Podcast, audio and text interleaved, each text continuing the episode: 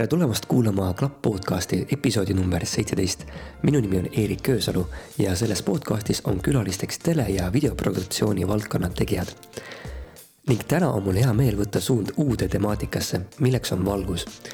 ilma valguseta teatavasti on visuaalset pilti raske toota, nii et väga oluline ja kajastamist vääriv teema igal juhul saate külaliseks on tänavuse aasta Eesti muusika- ja ettevõtlusauhindade aasta valguskunstnik kaks tuhat kakskümmend kolm ja ka kaks tuhat kakskümmend üks ning just hiljuti koos Aalika ja Eesti delegatsiooniga Eurovisioonil käinud mees Timo Tali. Timo on äärmiselt positiivne inimene ja hea suhtleja, mistõttu pole ka ime, et juba väga noores eas leidis ta valguskunsti näol oma tulevase kutsumuse praeguseks on tema portfoolios hulganisti suurüritusi, mille hulgas näiteks EFTA gala ja Eesti Laul ning lisaks on ta ka nööpi ihuvalgustaja. muusika ja Eurovisioon on kindlasti selle episoodi üks läbivaid teemasid. kuid lisaks teeme juttu lambi vendadest, iseenda eest seismisest, isaga kombainitamisest ja kodumaa armastusest kui teile tänane episood meeldib ja visuaalmeedia on üldiselt südamelähedane, siis jagage kindlasti seda ja ka teisi osasid oma sõprade-tuttavatega ning võite jätta tagasisidet Instagrami at klapp podcast. nüüd aga minu vestlus Timo Talliga, head kuulamist. mul on täna väga hea meel oma vastas näha Eesti ühte parimat valguskunstnikku, aktiivset sisuloojat, kuuldavasti ka täitsa toredat inimest ja nüüd ka värskelt Eurovisiooni kogemusega meest, tere tulemast saatesse, Timo Tali. tere, aitäh kutsumast. no alustuseks tõepoolest sa just äh, üleeile õhtul või eile tulid tagasi? eile õhtul. eile õhtul tulid ja, tagasi? eile õhtul kuue paiku mm -hmm. jõudsime. olid siis äh, Aalika ja kogu Eesti tiimiga Eurovisioonil, millised võib-olla on su esimesed sellised emotsioonid nüüd natukene, mõned tulid maganuna värskelt sealt tulnuna see on sihuke keeruline teema, sest et Eurovisioon on minu jaoks nagu olnud sihuke unistus suht pikka aega. aga kui sa oled seal ise kohapeal, siis on veits sihuke, et noh, järgmine töö.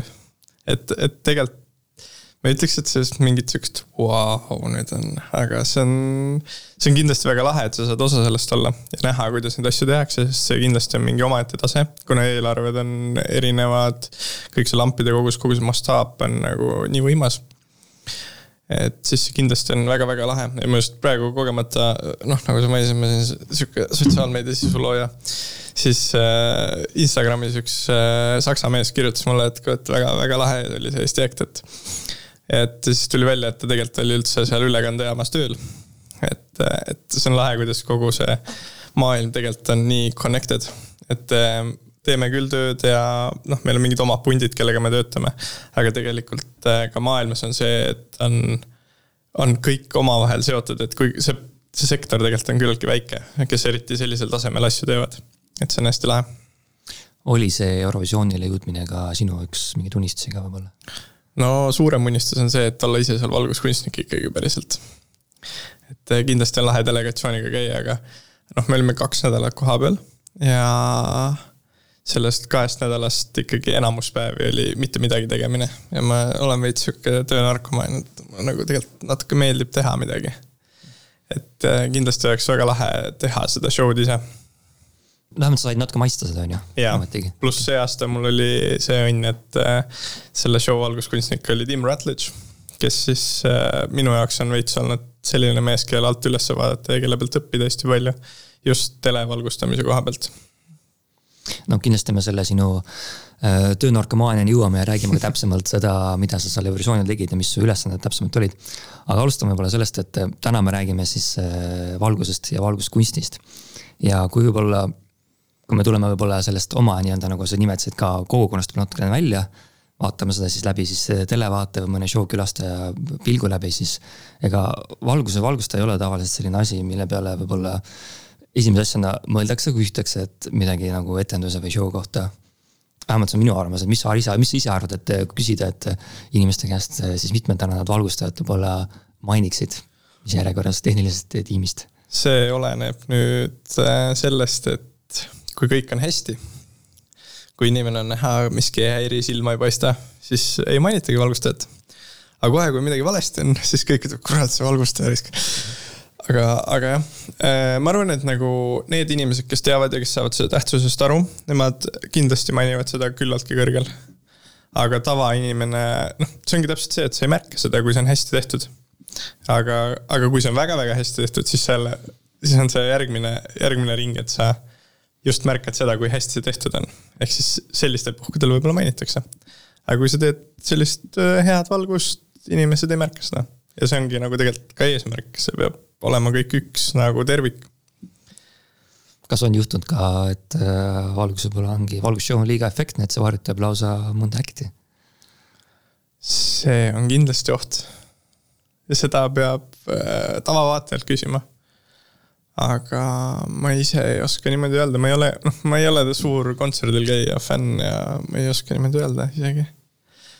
Et noh, nii naljakas kui see ei ole, siis äh, ma teen küll valgust ja teen igapäevaselt kontserteid ja erinevaid sündmuseid, on ju, aga aga kui mul on nagu valida, et kas ma puhkan kodus või lähen kontserdile, siis ma pigem ei lähe. Et äh, ma pigem eelistan näiteks vaadata videona neid kontserteid. Et äh, ma võtangi, istun kodus maha, võtan läpaka ette, võtan Youtube'i lahti ja vaatan mingeid live-kontserdi videoid, sest sellest sa saad, noh, ma panen nüüd pausile, vaatan, ahah, niimoodi okei okay,, mõtlen läbi selle, et miks ja kuidas ja mille jaoks, on ju no sa ikkagi nagu peast teed tööd ja analüüsid ja sa nagu ei naudi no, kontserti. see on, see on see kõige hullem külg sellest tööst, et kui sa lähed sinna kontserdile, siis sa esimese asjana vaatad sinna lakke, et no mis lambid siis täna kasutuses on. et ja noh, samamoodi kui sa vaatad kontserdit ka, siis ega sa noh, kui on halb valgus või nagu sulle, see ei ole nagu sinu stiiliga valgus, on ju. siis sa hakkad seda märkama ja sa ei suuda nautida kontserdit et, et noh, vahepeal pigem kipud niimoodi tegema, et no ma panen siis silmad kinni, kui et vaatan seda valgust, et naudid muusikat. või noh, vähemalt mina teen niimoodi. võib-olla räägimegi natuke sellest ka, et eks sa seletad lahti, et kes üldse on valguskunstnik ja mida ta teeb, millised on su tööülesanded? No valguskunstnik naljaga öeldes on sihuke lambi vend nagu mulle meeldib öelda. aga tegelikult valgustaja on äh, see mees, kes, no okei okay,, me võime rääkida sellest, et mis ta on Eestis ja mis ta on välismaal. Eestis on, äh, Eestis on valgustaja sihukene mees, kes või naine, kes siis äh, mõtleb välja valguskujunduse, ehk siis paneb äh, paberi peal paika, kus lambid asetsevad siis kui on mingi suur show, siis võib-olla programmeerib need ette valguspuldiga ja see valguspuldi programmeerimine, see kõlab nagu IT, IT, IT-töö programmeerimine, aga ta on ikkagi natukene kasutajasõbralikum. ta küll põhimõttelt on põhimõtteliselt sama, sest et seal on ka niimoodi, et seal on kood ja sa võid kirjutada neid asju command line'i, mis on siis põhimõtteliselt siis noh, nagu kui otse tõlkida, siis käsurida, on ju. Aga põhimõtteliselt seal on ka niisugune graafiline kasutaja liides, põhimõtteliselt nagu su telefonis, ehk siis panen punase värvi, lamp läheb punaseks, on ju ja siis äh, olenevalt show'st siis, kas äh, see ette programmeeritud show jookseb ise sünkroonis muusikaga, mis siis äh, tähendab seda, et seal on timecode show.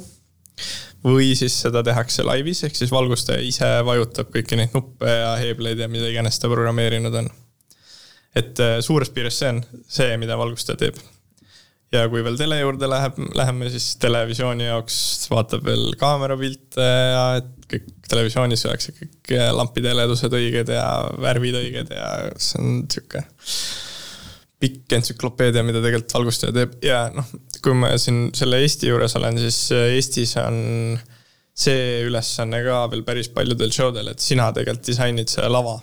Et sa paigutad need lambid kuidagi, on ju, ja selle ümber sa ehitad või noh, tegelikult kui ma nüüd täiesti algusest hakkan, siis sa tegelikult joonistad kõigepealt lava mingi kuju ja siis paned sinna lambid peale niimoodi, et oleks mingi asi, mis kuidagi ühtib selle artistiga, on ju.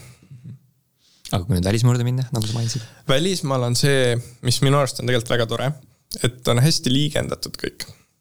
et noh, Eestis on paratamatult see, et meil on eelarved väiksed, raha ei ole, raha ei ole, raha ei tule ja, aga välismaal on see, et sul on lavakunstnik, kes mõtleb, et vot nüüd see võiks olla sihukese kujuga niimoodi, siin võiks olla see mingi asi, seal see asi.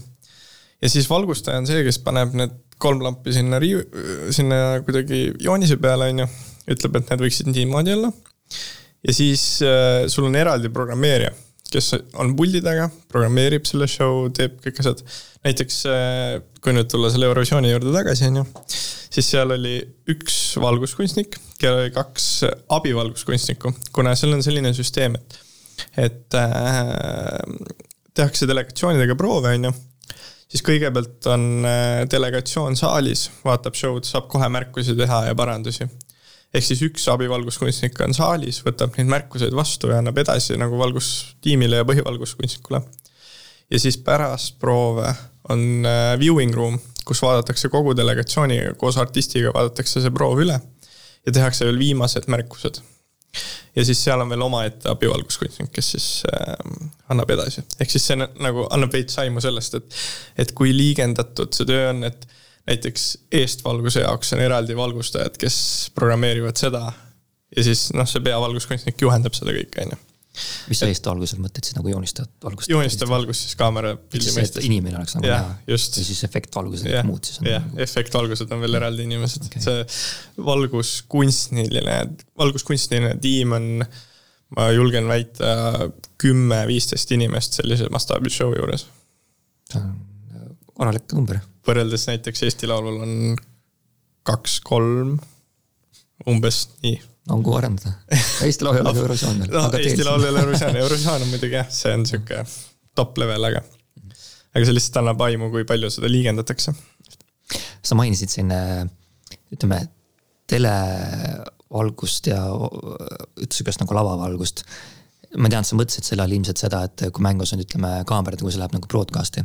aga ma küsin selle nurga alt, et kas sinu jaoks või kas üldse on vahet nagu sulgudes siis televalgustajal ja valguskunstnikul, televalgusel ma mõtlen seda, kes läheb siis nii-öelda väljavõttele. või kuskil on mingid äh, stuudiosaade näiteks, et selle all, kui palju seal on vahet, kas tegu on telestuudiosaatega, kui palju on mingisuguse gala või show'ga mm? see on päris hea küsimus. ma ei, kuna ma olen nii palju ise selle tele sees olnud, siis mul on hästi keeruline kuidagi mingeid erinev, nagu kui ma olen valguskunstnik, siis ma tegelikult peaksin olema kursis ka selle poolega, on ju.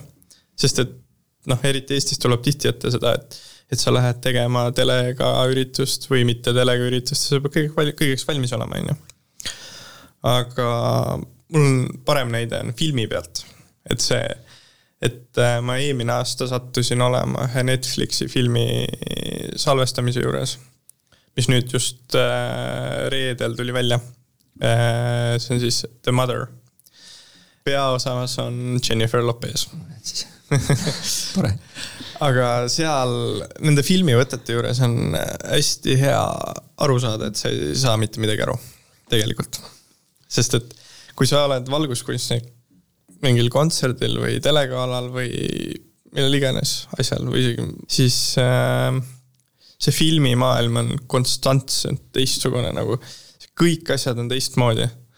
et noh, mõtle, mis see on siis, paned lambi põlema ja nii on, aga, aga see, kuidas inimesed töötavad, sa mõtled, et, et noh, et kui sa televisiooni teed, siis monitor on püha, on ju, et sa vaatad kogu aeg monitori, kõik peab olema monitoris õige ja kõik tasakaalus ja nii edasi, on ju.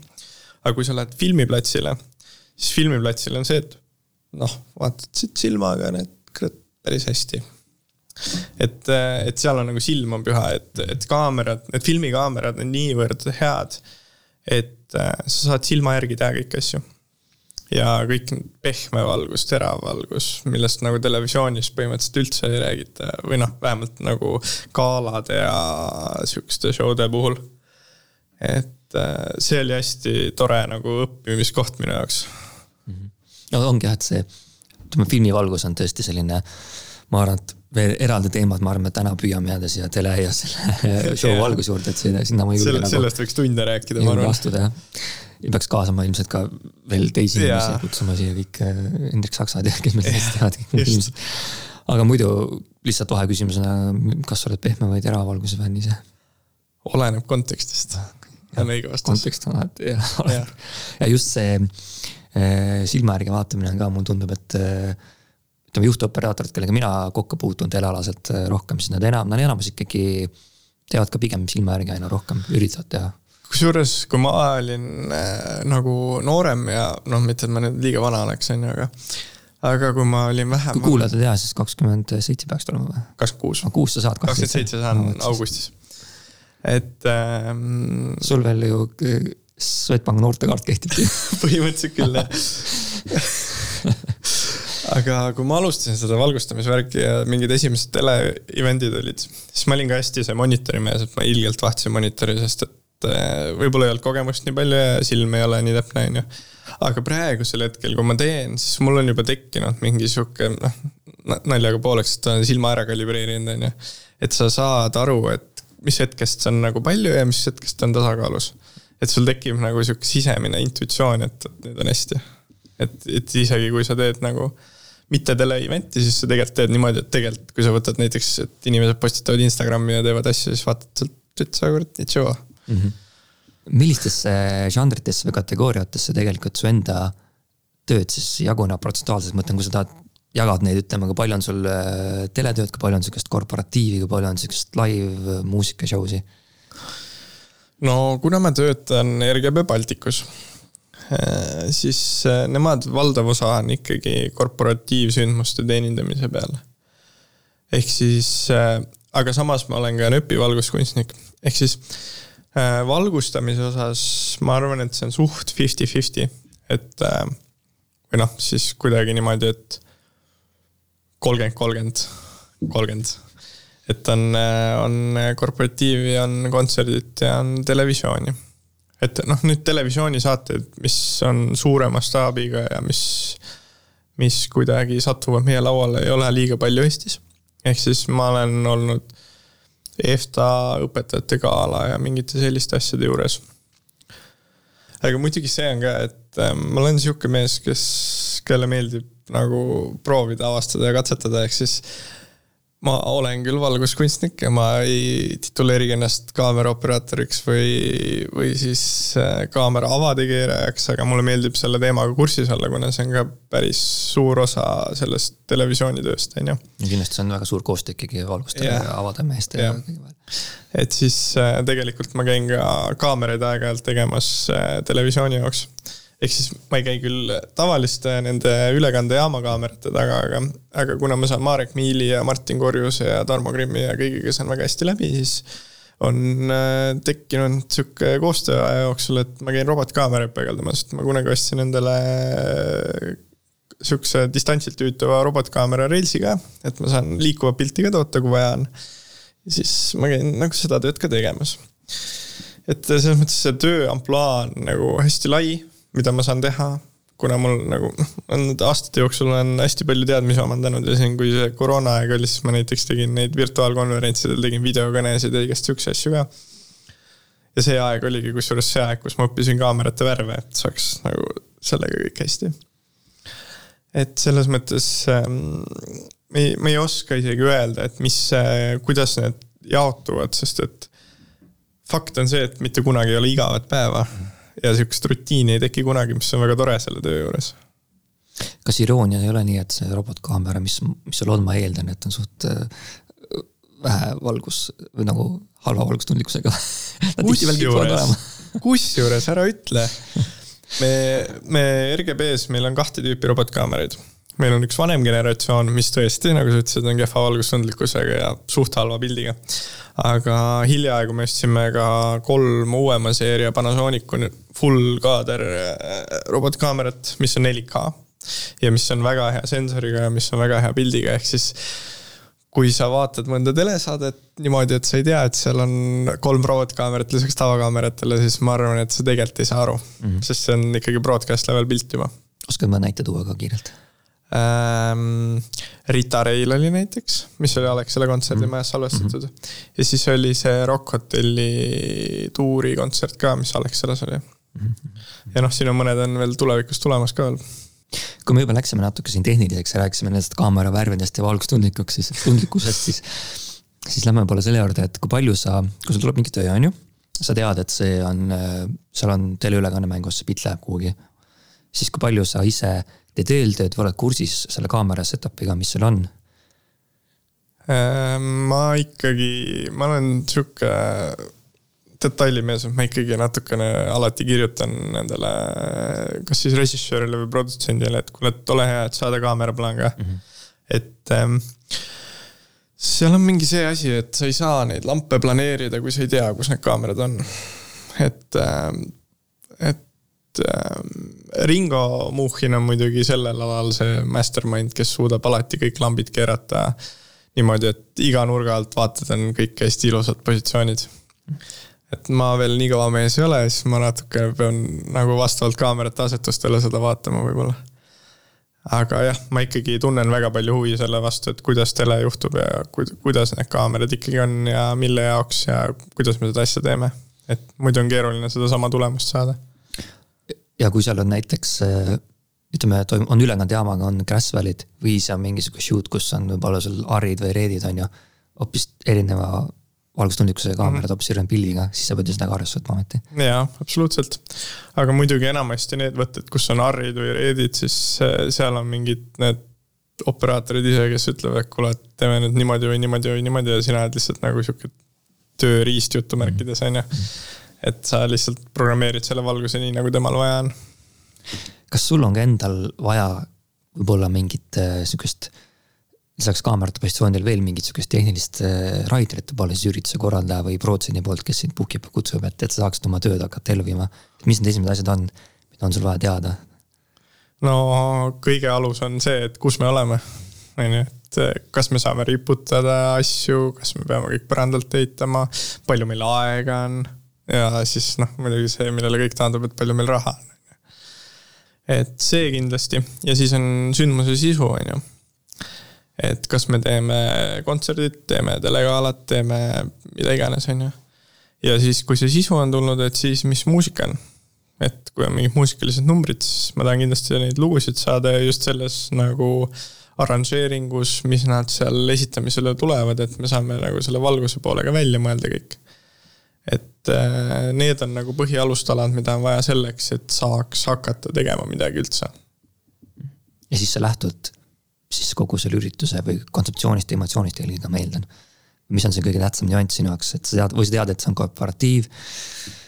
kasutame selliseid toone ja selliseid värve, kui sa tead, et see on rokk-kontsert, no siis on hoopis teine tonaalsus, on ju ja kui on korporatiiv, siis enamasti on, on ju firma temaatikaga mingi mm. noh, korporatiivsündmuste puhul enamasti on sihuke produktsioonifirma seal vahel on ju, kes mõtleb, ütleb, disainib mingid graafikad, asjad, millest siis lähtuvalt saab ka valguskujundus sinna kaasa tulla, on ju. aga kontserdite puhul on küll niimoodi, et, et, et tunde pealt või siis keegi ütleb tõesti, et kuule, et ära seda värvi kasuta või kasuta siin seda värvi, on ju. aga klientidel, mis on võib-olla neil kõige keerulisem siis valgustajale, valguskunstnikule edasi anda? tulevad, ütlevad, oh ma tahan, et oleks särav ja valge ja kuldne kõik ühel ajal ja siit plingiks ja sealt tuleks laserid, et millised on võib-olla need äh, soovid, et valgus on nii keeruline asi, mida nagu edasi anda.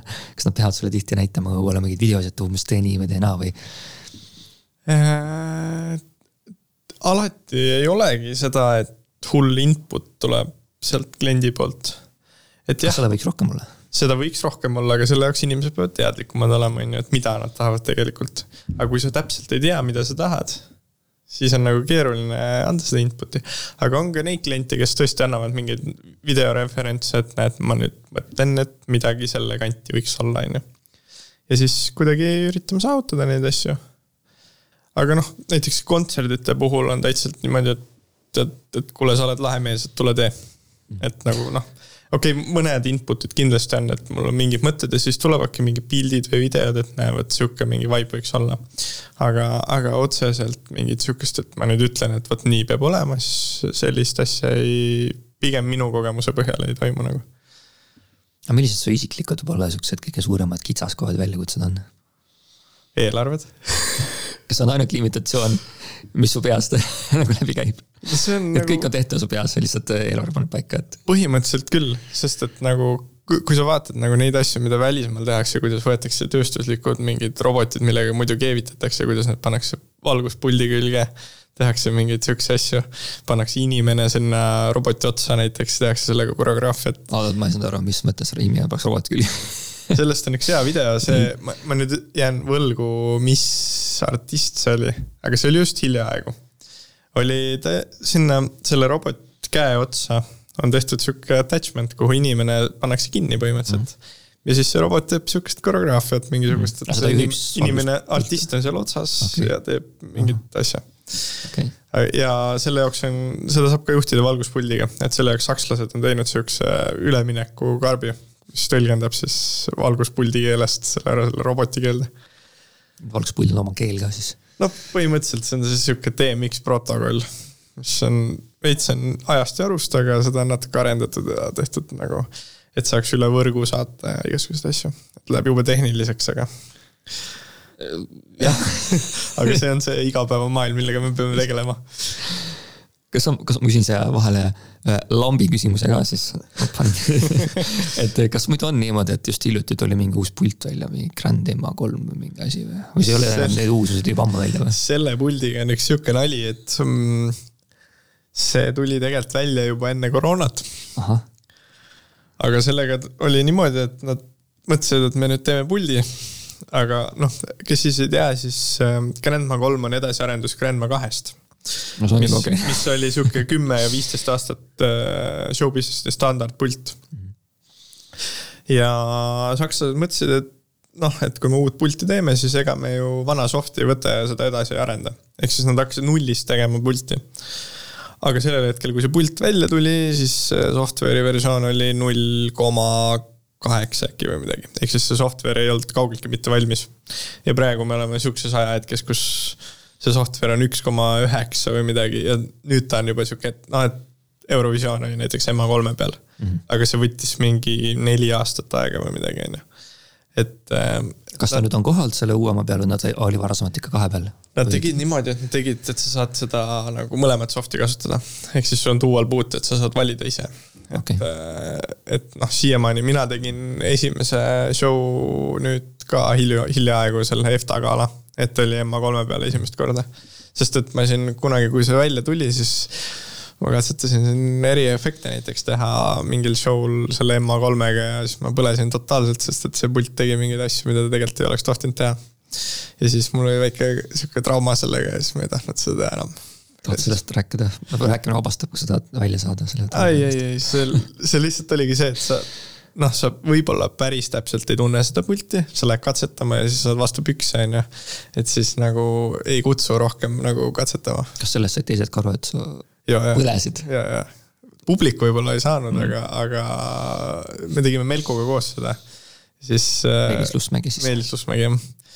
ja me tegime Melkoga koos ja siis äh, kogemata oli seda show'd vaatamas ka näiteks Eesti SFX-i põhimees äh, Jüri Kartul ja siis ta natuke aitas mul seda troubleshoot ida ja siis me lõpuks jõudsime selleni, et see oli ikkagi see pult. mitte sina. jah, või noh, lõpuks oli mina, sest et äh, mina olin selle kuidagi sooritanud, on ju, ja mina vastutasin selle eest et selles mõttes jah jah, vabandan kuulajate eest, et võib-olla natuke tehniliseks läinud, siin räägime mingitest X-keeltest ja DMX-test ja asjadest, aga. et võib-olla panna siis võib-olla tavainimese perspektiivi, siis me toome siia rahamängu nagu ikka inimestele meeldivad summad, siis. kas mul on õige info, et see pult maksab alates kuuskümmend kuus tuhat eurot? Äh, kui sa võtad see kõige suurema variandi, siis tõenäoliselt küll. suurema. aga Eestis on ainult üks kõige suurem ja see on Eventekil. Eventeki raha jagub. jah et äh, minul tegelikult on ka üks variant sellest puldist ja me ostsime selle juba enne koroonaaega, siis ta oli natuke alla kahekümne tuhande. et neid on väga paljudes eri mõõtudes, et sa tegelikult võid selle arvuti variandi isegi täitsa mingi nelja-viie tuhande euro eest saada. no ja, jääme ikkagi sinna kuuekümne kuue tuhandeks, on palju ägedam, siis ikkagi nagu inimesed saavad aru, et me räägime ikka väga suurtest ja kallistest äh, tööriistadest. mis kestavad, nagu sa ütlesid, ikkagi ju kümneid aastaid. ja tegelikult on niimoodi, et kui sa teed selle ühekordse investeeringu, siis tegelikult no okei okay,, seal on mingid kuluosad, et sa mingite aastate tagant pead vahetama puldil feidereid.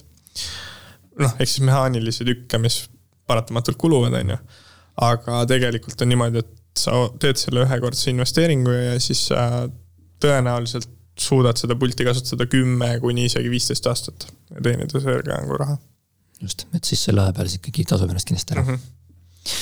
nii, seda me saime ka teada, et sinul mingisuguseid kitsaskohti ei ole, su ajumaht on täitmatu aga siis on nagu tunne, et sa tegelikult saaksid kuhugi areneda ka veel või mingit külgedes arendada.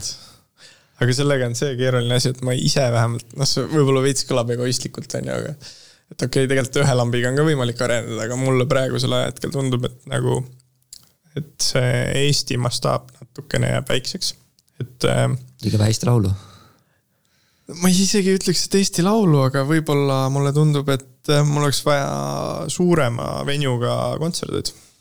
et äh, mul sihuke tunne, noh nüüd see, teeme reklaami jälle. tulge Näpi staadioni kontserdile, üheksateist august, väga lahe. Et selliseid näiteks sihukese staadionikontserdi mastaabis asju oleks vaja teha, selleks, et nagu areneda veel. Sest ma tunnen, et äh, need väiksed asjad, kus on vähe lampe ja võib-olla ei saa nii loov olla muude asjadega ka. see nagu ei paku pinget enam, et on nagu enda jaoks igav natuke juba. oskad sa võib-olla võrdlusena tuua, palju Eesti Laulul oli ühikuid lampidena? oi, ma ei tea, sest et mina isiklikult ju seda show'd nagu valgustajana ei teinud mm. -hmm.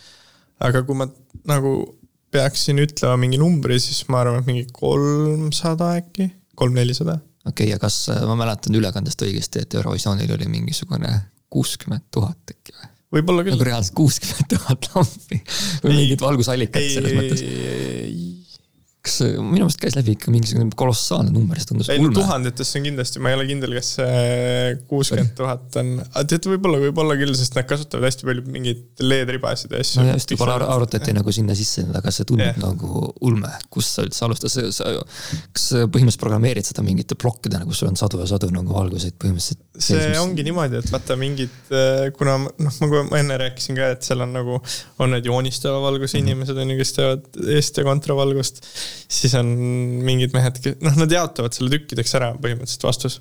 ehk siis sa teed seda efekti poolt, ma teen mm -hmm. seda joonistavate poolt, siis võib-olla mingi mees saab nüüd kuskilt mingid pikslid, on ju.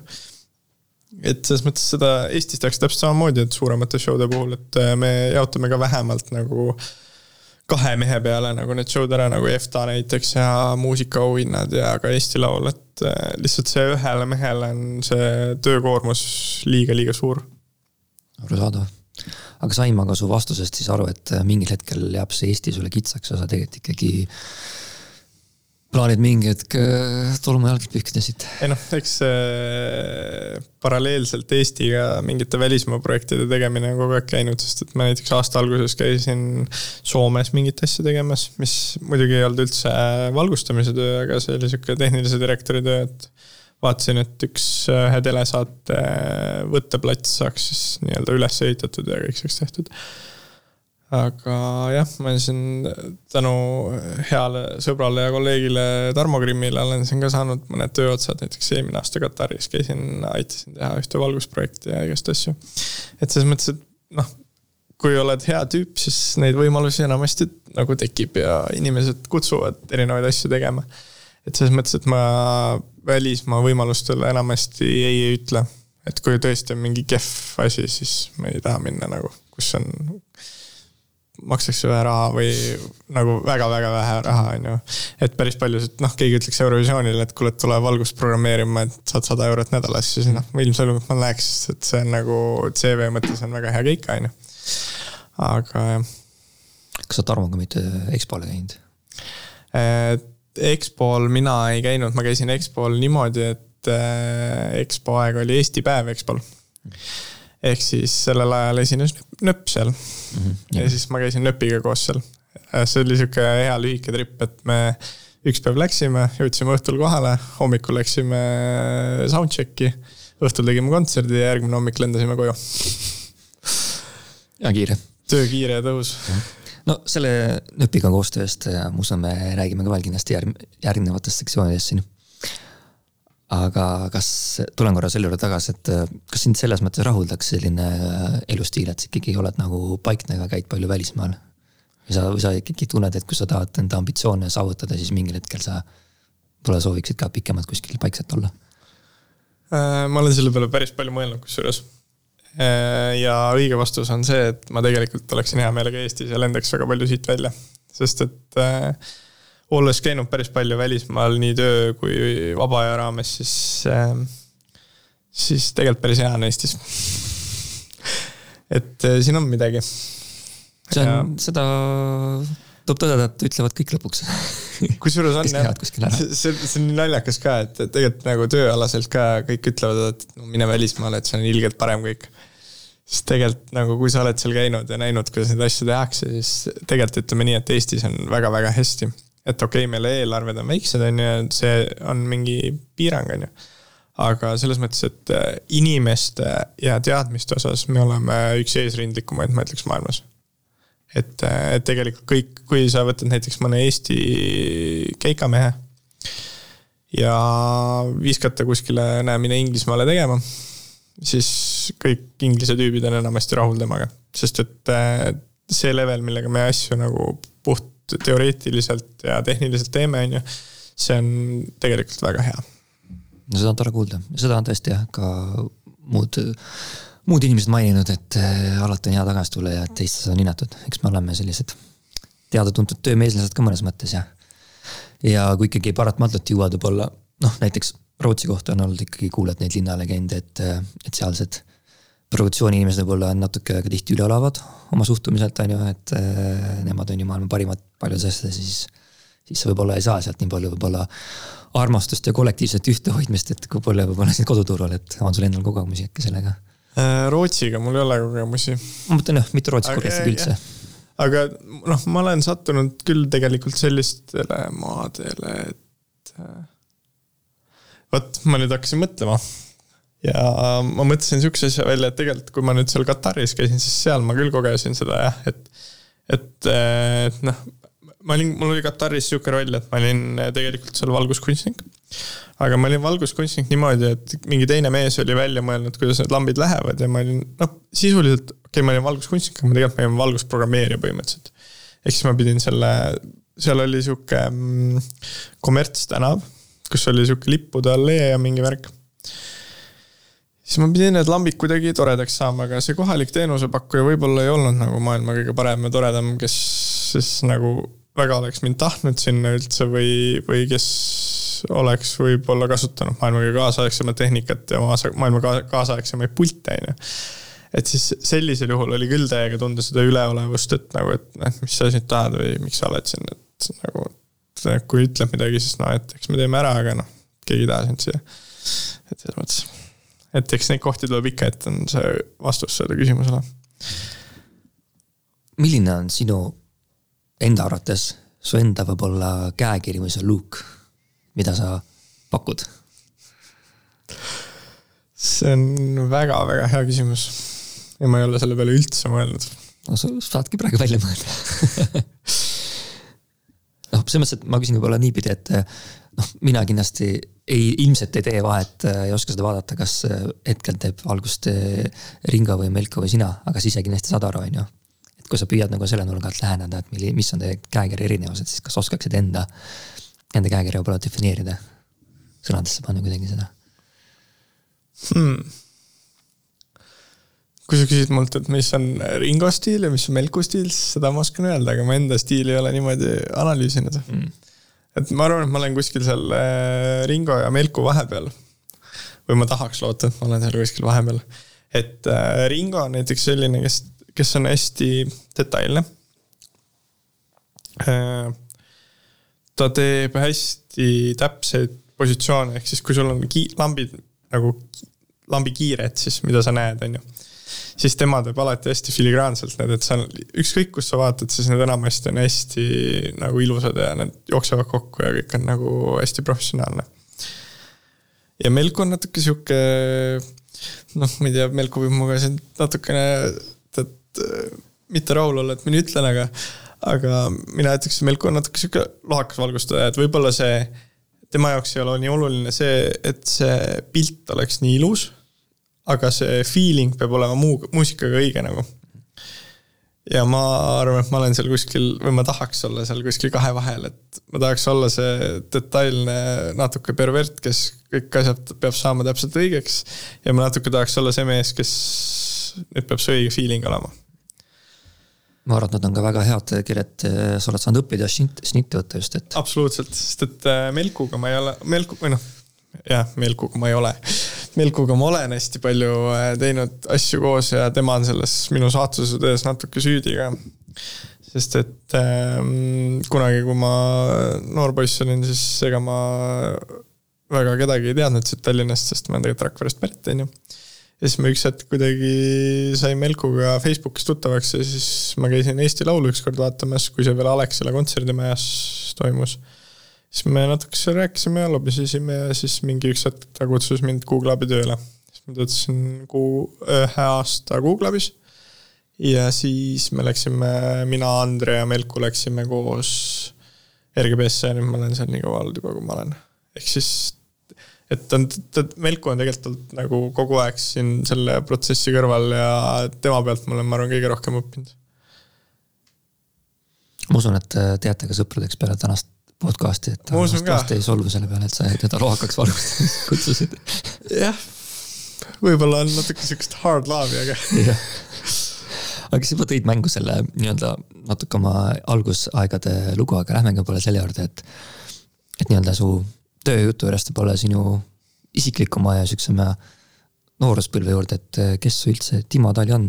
Timo Tali kui inimene, mitte kui valgustajast, me alati defineerime ennast ikkagi läbi töö. Meil meeldib öelda, millega me tegeleme ja parasjagu, aga kes on Timo? ma olen üks poiss Rakverest, kes on maalt pärit. kas sa nimetad Rakveret maakohaks praegu? Äh, sellega niimoodi, et äh, mulle meeldib öelda, et ma olen Rakverest, aga ma tegelikult elasin sihuke äh, seitse kilomeetrit Rakverest maakohas. Tegelikult ma olen Koovälja küla poiss Kuusemäe talust. Mm.. et kogu mu laps, lapsepõlv oli tegelikult niimoodi, et kuna mu isa töötas põllumajanduses, ehk siis ta sõitis kombainide, traktorite, veoautode, no you name it, ta sõidab. siis äh, kogu mu lapsepõlv möödus sihuke tehnika läheduses. ehk siis äh, mutrivõtmed ja tööriistad püsivad käes ja saab kõik asjad parandatud, mis vaja on parandada või isegi ehitatud et äh, selles mõttes mul on väga tore lapsepõlv olnud, sest kõik suved põhimõtteliselt ma olen alates kaheksa aastasest saadik umbes äh, kombaini roolis veetnud koos isaga. et see on väga tore, sest üks, üks hetk oli isegi sihuke situatsioon, et äh, isa ülemus, kes noh, nad on perekonnatuttavad ka ja siis ükskord vaatas, et kas poiss sõidab nagu kombainiga rohkem kui isa, et, et äkki peaks teise kombaini veel ostma ja siis ta ostiski. ehk siis me mingi aja töötasime suviti isaga koos kogu aeg niimoodi, et sõitsime kahekesi kombainidega. ja siis äh, mingi aeg tuli koolis käia. kombaini, kombainitöö vahepealt. kuigi see õnneks no, suve, suve, suved olid ikkagi ainult äh, kombaini jaoks põhimõtteliselt et äh, ja siis äh, koolis ma olin sihuke tubli õpilane ja nelja-viieline, kuni ma jõudsin gümnaasiumisse, siis oli vaja teha ilgelt äh, tööd, keikasid, kõik tundus ilgelt põnev peale kooli. Ja siis mingi hetk tuli otsus, et ma jätan kooli pooleli, ehk siis ma olen tegelikult ametlikult põhiharidusega. ehk siis jah, paberitega loll põhimõtteliselt, aga jah, ma ei ole selle üle uhke, ma kindlasti tahaks selle ära lõpetada gümnaasiumi, aga ma ei kahetse ühtegi oma otsust, sest see on viinud mind siia, kus ma praegu olen. väga ilusti öeldud. ma vaatasin, et oh, Rakvere Reaalgümnaasiumis ja, ja kusjuures ma olin Rakvere Reaalgümnaasiumis teatriklassis, kus ma sain veel lisaks sellele, et ma olin sihuke tehnikapoiss, siis mulle ilgelt meeldis ikka kaamerad ja arvutid ja kõik sihuke värk, on ju. Mhm. ja siis äh, mingi hetk ma tegelesin pildistamisega ja siis, kui ma gümnaasiumisse läksin, siis ma läksin teatriklassi, kus oli ka ma nüüd ei mäleta, kuidas see täpselt sõnastatud oli, aga põhimõtteliselt sihuke filmisuund ka, et sa said seda kaameravärki ja kõik õppida, ehk siis sealt mingi teooria tuli sealt ja seal sai päris palju mingeid asju ise filmitud ka. ehk siis see nagu töötab selle kasuks, et ma teen neid teleasju ja kõik, et ma tegelikult mõistan seda kaamera poolt ka ja oskan kaamerat käes hoida, kui vaja on et äh, jah, ja siis, kui mul see otsus tuli, et ma nüüd jätan gümnaasiumi pooleli, siis tegelikult ei läinud üldse palju aega, kui ma juba, juba hakkasin Google'is tööle ja kolisin Tallinnasse. Jah, nüüd ma siin see oli sihuke kiire, kiire kokkuvõte. aga kui, kui korra tagasi minna selle juurde, et sul oli see äh, tehnikahuvi ja see äh,, oota, kas mainisid, et sul oli fot-, mitte foto, aga. foto ja, kaamera. foto, kaamera huvi ja kõik see kas sa, kus see võib-olla tekkis, millised su esimesed selles kokkupuudet oli, mäletad sa neid ka? ma kusjuures ei tea, kust see tulnud on. ma natuke võin äh, aimata, sest et mu juttude järgi mu vanaisa, keda ma tegelikult ise ei ole tundnud, äh, oli ka fotograafiaga seotud päris põhjalikult, sest et ma tean, et meil kuskil maal kuuris on tegelikult olemas äh, vana foto ilmutamistehnika ja mingi vana foto, fotokaamera, mis tegelikult tahaks restaureerimist. et äh, võib arvata ja aimata, et see võib natuke geenidega ka seotud olla. aga eks ma olen nooruses väga palju filme ja televisiooni vaadanud. Ehk siis ma arvan, et see kõik kokku nagu mängib selle peale. ja siis üks hetk hakkasid ise mingeid tahaks, et mul oleks slaider näiteks, et kaamerat liigutada, siis mõtlesin, et oh, ma ehitan ise. noh, tööriistad püsivad käes ja siis mul mingid katsetused kuskil täitsa olid olemas. no gümnaasiumist, nagu sa ütlesid, sa ei lõpetanud, sul juba selleks ajaks oli see valgushuvi olemas ja ilmselt ka piisavalt oskused, et mingitki nagu leiba teenida. millal võib-olla see valguse pool mängu tuli, millised su esimesed katsetused olid, mäletad sa neid ka? Äh, ma käisin Sõmeru põhikoolis ja seal noh, nagu ikka kooliaula ja ja on vaja kooliüritusi teha. siis ma sattusin kuidagi selle tehnilise poole peale. ja noh, mitte ainult valgus, vaid ka heli. ja noh, see valgus oli väga basic, mis seal oli, seal oli, ma arvan, mingi kakskümmend barri. ehk siis see on põhimõtteliselt see kõige tavalisem lambikopsik, mida, mida saab omada, mis on hea odav aga siis ma tegin neid event'e seal päris pikalt ja siis äh, mingi hetk sattusid kokku selle tehnikafirmaga, kes äh, teenindas neid kooliaulaid sealkandis. see oli siis äh, Soundland ja Kalev Lillepalu on selles süüdi, et ma nüüd natuke ka siin olen. ja siis äh, tema omakorda viis mind kokku Tiit Maiveliga. ja siis äh, üks hetk, kui ma olin, ma tahaks öelda viisteist siis ma olin kogemata sattunud oma esimesele suvetuurile ja pidin olema puldis. ja selleks hetkeks mina olin õppinud sedasama pulti, millest me rääkisime juba, Grandmad, mida Eestis oli antud ajahetkel ainult üks. ja see oli RGB-s tol hetkel. ehk siis ma läksin tuurile puldiga, mida ma tegelikult väga hästi ei osanud ja veel vähem teadsin ma, kuidas valgust teha päriselt et kindlasti ma omal ajahetkel arvasin, et ma olen ilgelt kõva valgustaja ja tean, mis ma teen, aga no võib-olla ei teadnud, aga. mis tuuri sa ära rikkusid? see oli üks Tuukvik Stardi tuuridest, ma ütleks. päris äh, korralik tükk. ma ütleks, et ma ära ei rikkunud. see lihtsalt ei olnud väga hea, aga selles mõttes ma pean tänulik olema, et see oli Tuukvik Stardi tuur, sest et äh, nad on päris nõudlikud no just, nõudlikumad Eestis üldse. ja kuna, kuna ma olin nagu sihuke noor poiss, siis ega noh, keegi mulle otse kaela ei sadanud, on ju, aga aga sa ikkagi said aru, et sa ei teinud nüüd hästi ja nüüd peaks kuidagi paremini tegema, on ju. et äh, nende puhul on hästi tähtis see, et kõik inimesed on välja valgustatud.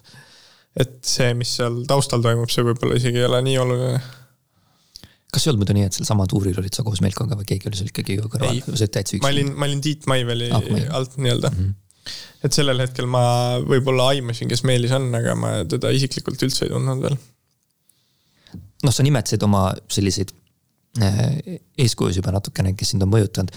aga kas, kas kooliaeg, kas siis sul oli ka kooli poolt mingisugune, ma ei tea, inimene või see oli ikkagi su enda initsiatiiv, et sa tahtsid hakata mingeid asju tegema või, või oli seal ka keegi, mis iganes, ma ei tea, huvijuht või keegi, kellega, kes sind juba lubas neid asju korraldama, tegema, et ikkagi väga noorelt hakkasid pihta sellega? Äh, põhikoolis oli selline huvijuht, hästi tore inimene, ma olen väga-väga tänulik talle. Lemmemäe, kes äh, push'is mind ja minu meelest esimene juhtumine, kus ma tema kaudu kuskile läksin, oli, ma olin mingi äkki üheksa aastane. ja siis äh, Rakveres oli, TTÜ tegi minu meelest äh, mingit robootikakoolitust nende Lego robotite põhjal ja õpetasid programmeerimist. siis ma mäletan nii hästi seda, kuidas ma olin vist kõige noorem seal. et nagu, et keegi kuidagi registreeris ära, et see poiss võiks minna sinna, et tal on vist nutti selle jaoks. aga võrreldes teistega, ma arvan, et ma olin sihuke viis aastat noorem või midagi, et nagu.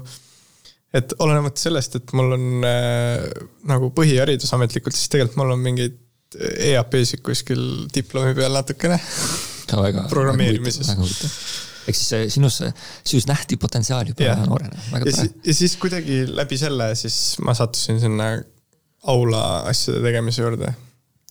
et huvijuht ja siis äh, gümnaasiumis tegelikult oli see filminduse õpetaja oli Jaanus Lekk, kes oli ka kindlasti väga oluline. pluss Rakveres oli Rakvere gümnaasiumi filmifestival, mis siis äh, küll toimus üldse hoopis teises gümnaasiumis. Ja mida sa vist käid ka siiamaani veel vahel abistamas, valgustamas, tegemas? vot ma just tahtsin selleni jõuda, et seda enam ei ole kuna Rakveresse tuli riigigümnaasium, siis äh, üks hetk võeti otsus vastu, et äh, tehakse viimast korda. aga kuni selle lõpuni ma olin põhimõtteliselt jah, ma olin see fossiil, kes käis kogu aeg kaasas sellega kurb, et see ära lõppes. jah, aga väga tore oli, et seda tehti ja tore, ma loodan, et ka kõik su nii-öelda suunajad kuulavad seda episoodi, et nad ikkagi, et nad on sind heale, heale teele juhatanud. ma loodan ka. jah, aga kas su, mida su sõbrad võib-olla sellest asjast arvasid või siiamaani arvavad su tööst ähm,? sõbrad on väga hoolivad, elavad kaasa ja nad on väga uhked selle üle, et näiteks mul on paar sihukest ka Eurovisiooni fännisõpra, kes äh, olid väga uhked selle üle, et ma seal sain käia nüüd. Ja, ja, ja nad natuke hoiavad mind vaos ka, et nad ikkagi manitsevad, et kuule, et ära pane nii hullu ja võta aega maha ja nii. et selles mõttes mul on väga, väga, väga, väga, väga vedanud sellega, kes mu ümber on ja kuidas nad hoiavad mind ja, ja kuidas me toeks oleme üksteisele aga su vanemad, kas su isa ei tunne kurbust, et üks hea kombainijuht läks, läks kaduma valis selle tee, et, et kuidas nemad suhtuvad su töösse ähm,? ema ja isa on mõlemad ka uhked selle üle, mida ma teen, kindlalt. et äh,, et selles mõttes isa ei sõida ise ka enam kombainiga, et ta on juba küllaltki vana, on ju. aga, aga jaa, et selles mõttes nad mõlemad ikkagi on selle üle uhked, et mis minust on saanud ja kui tubli ma olen ja kui hästi ma oma asju teen kas sa pidid neile ka palju seletama, et et see on ikkagi päris töö, mida sa teed? natuke küll jah. ja mul on natuke sihuke tunne, et tegelikult isa ei saa päriselt ikka veel aru, mida ma tegelikult teen, aga see on okei okay.. Et uh, uhkust tunnevad nad ikkagi. aga sedasama, oma, oma esimeseks päris tööks pead sa siiski sedasama Duke Starti kontserti või on? ma, ma, ma, praeguseks hetkeks olen nagu jõudnud sinnani, et see vist oli see esimene. tasu said? sain no, kindlalt sain. siis järelikult oli ja kuhu kulutasid raha? ära nii keerulisi küsimusi küsi no, ilmselt... kus, kust tuleb tolm ja kuhu kaob raha, seda teab? Eestis ju tegelikult valguskunstnikuks saab mingil määral õppida. kui ma õigesti mäletan, Viljandis on ju vist saab seda teha, aga see on ju pigem teatrisuunaga, on mul õigus?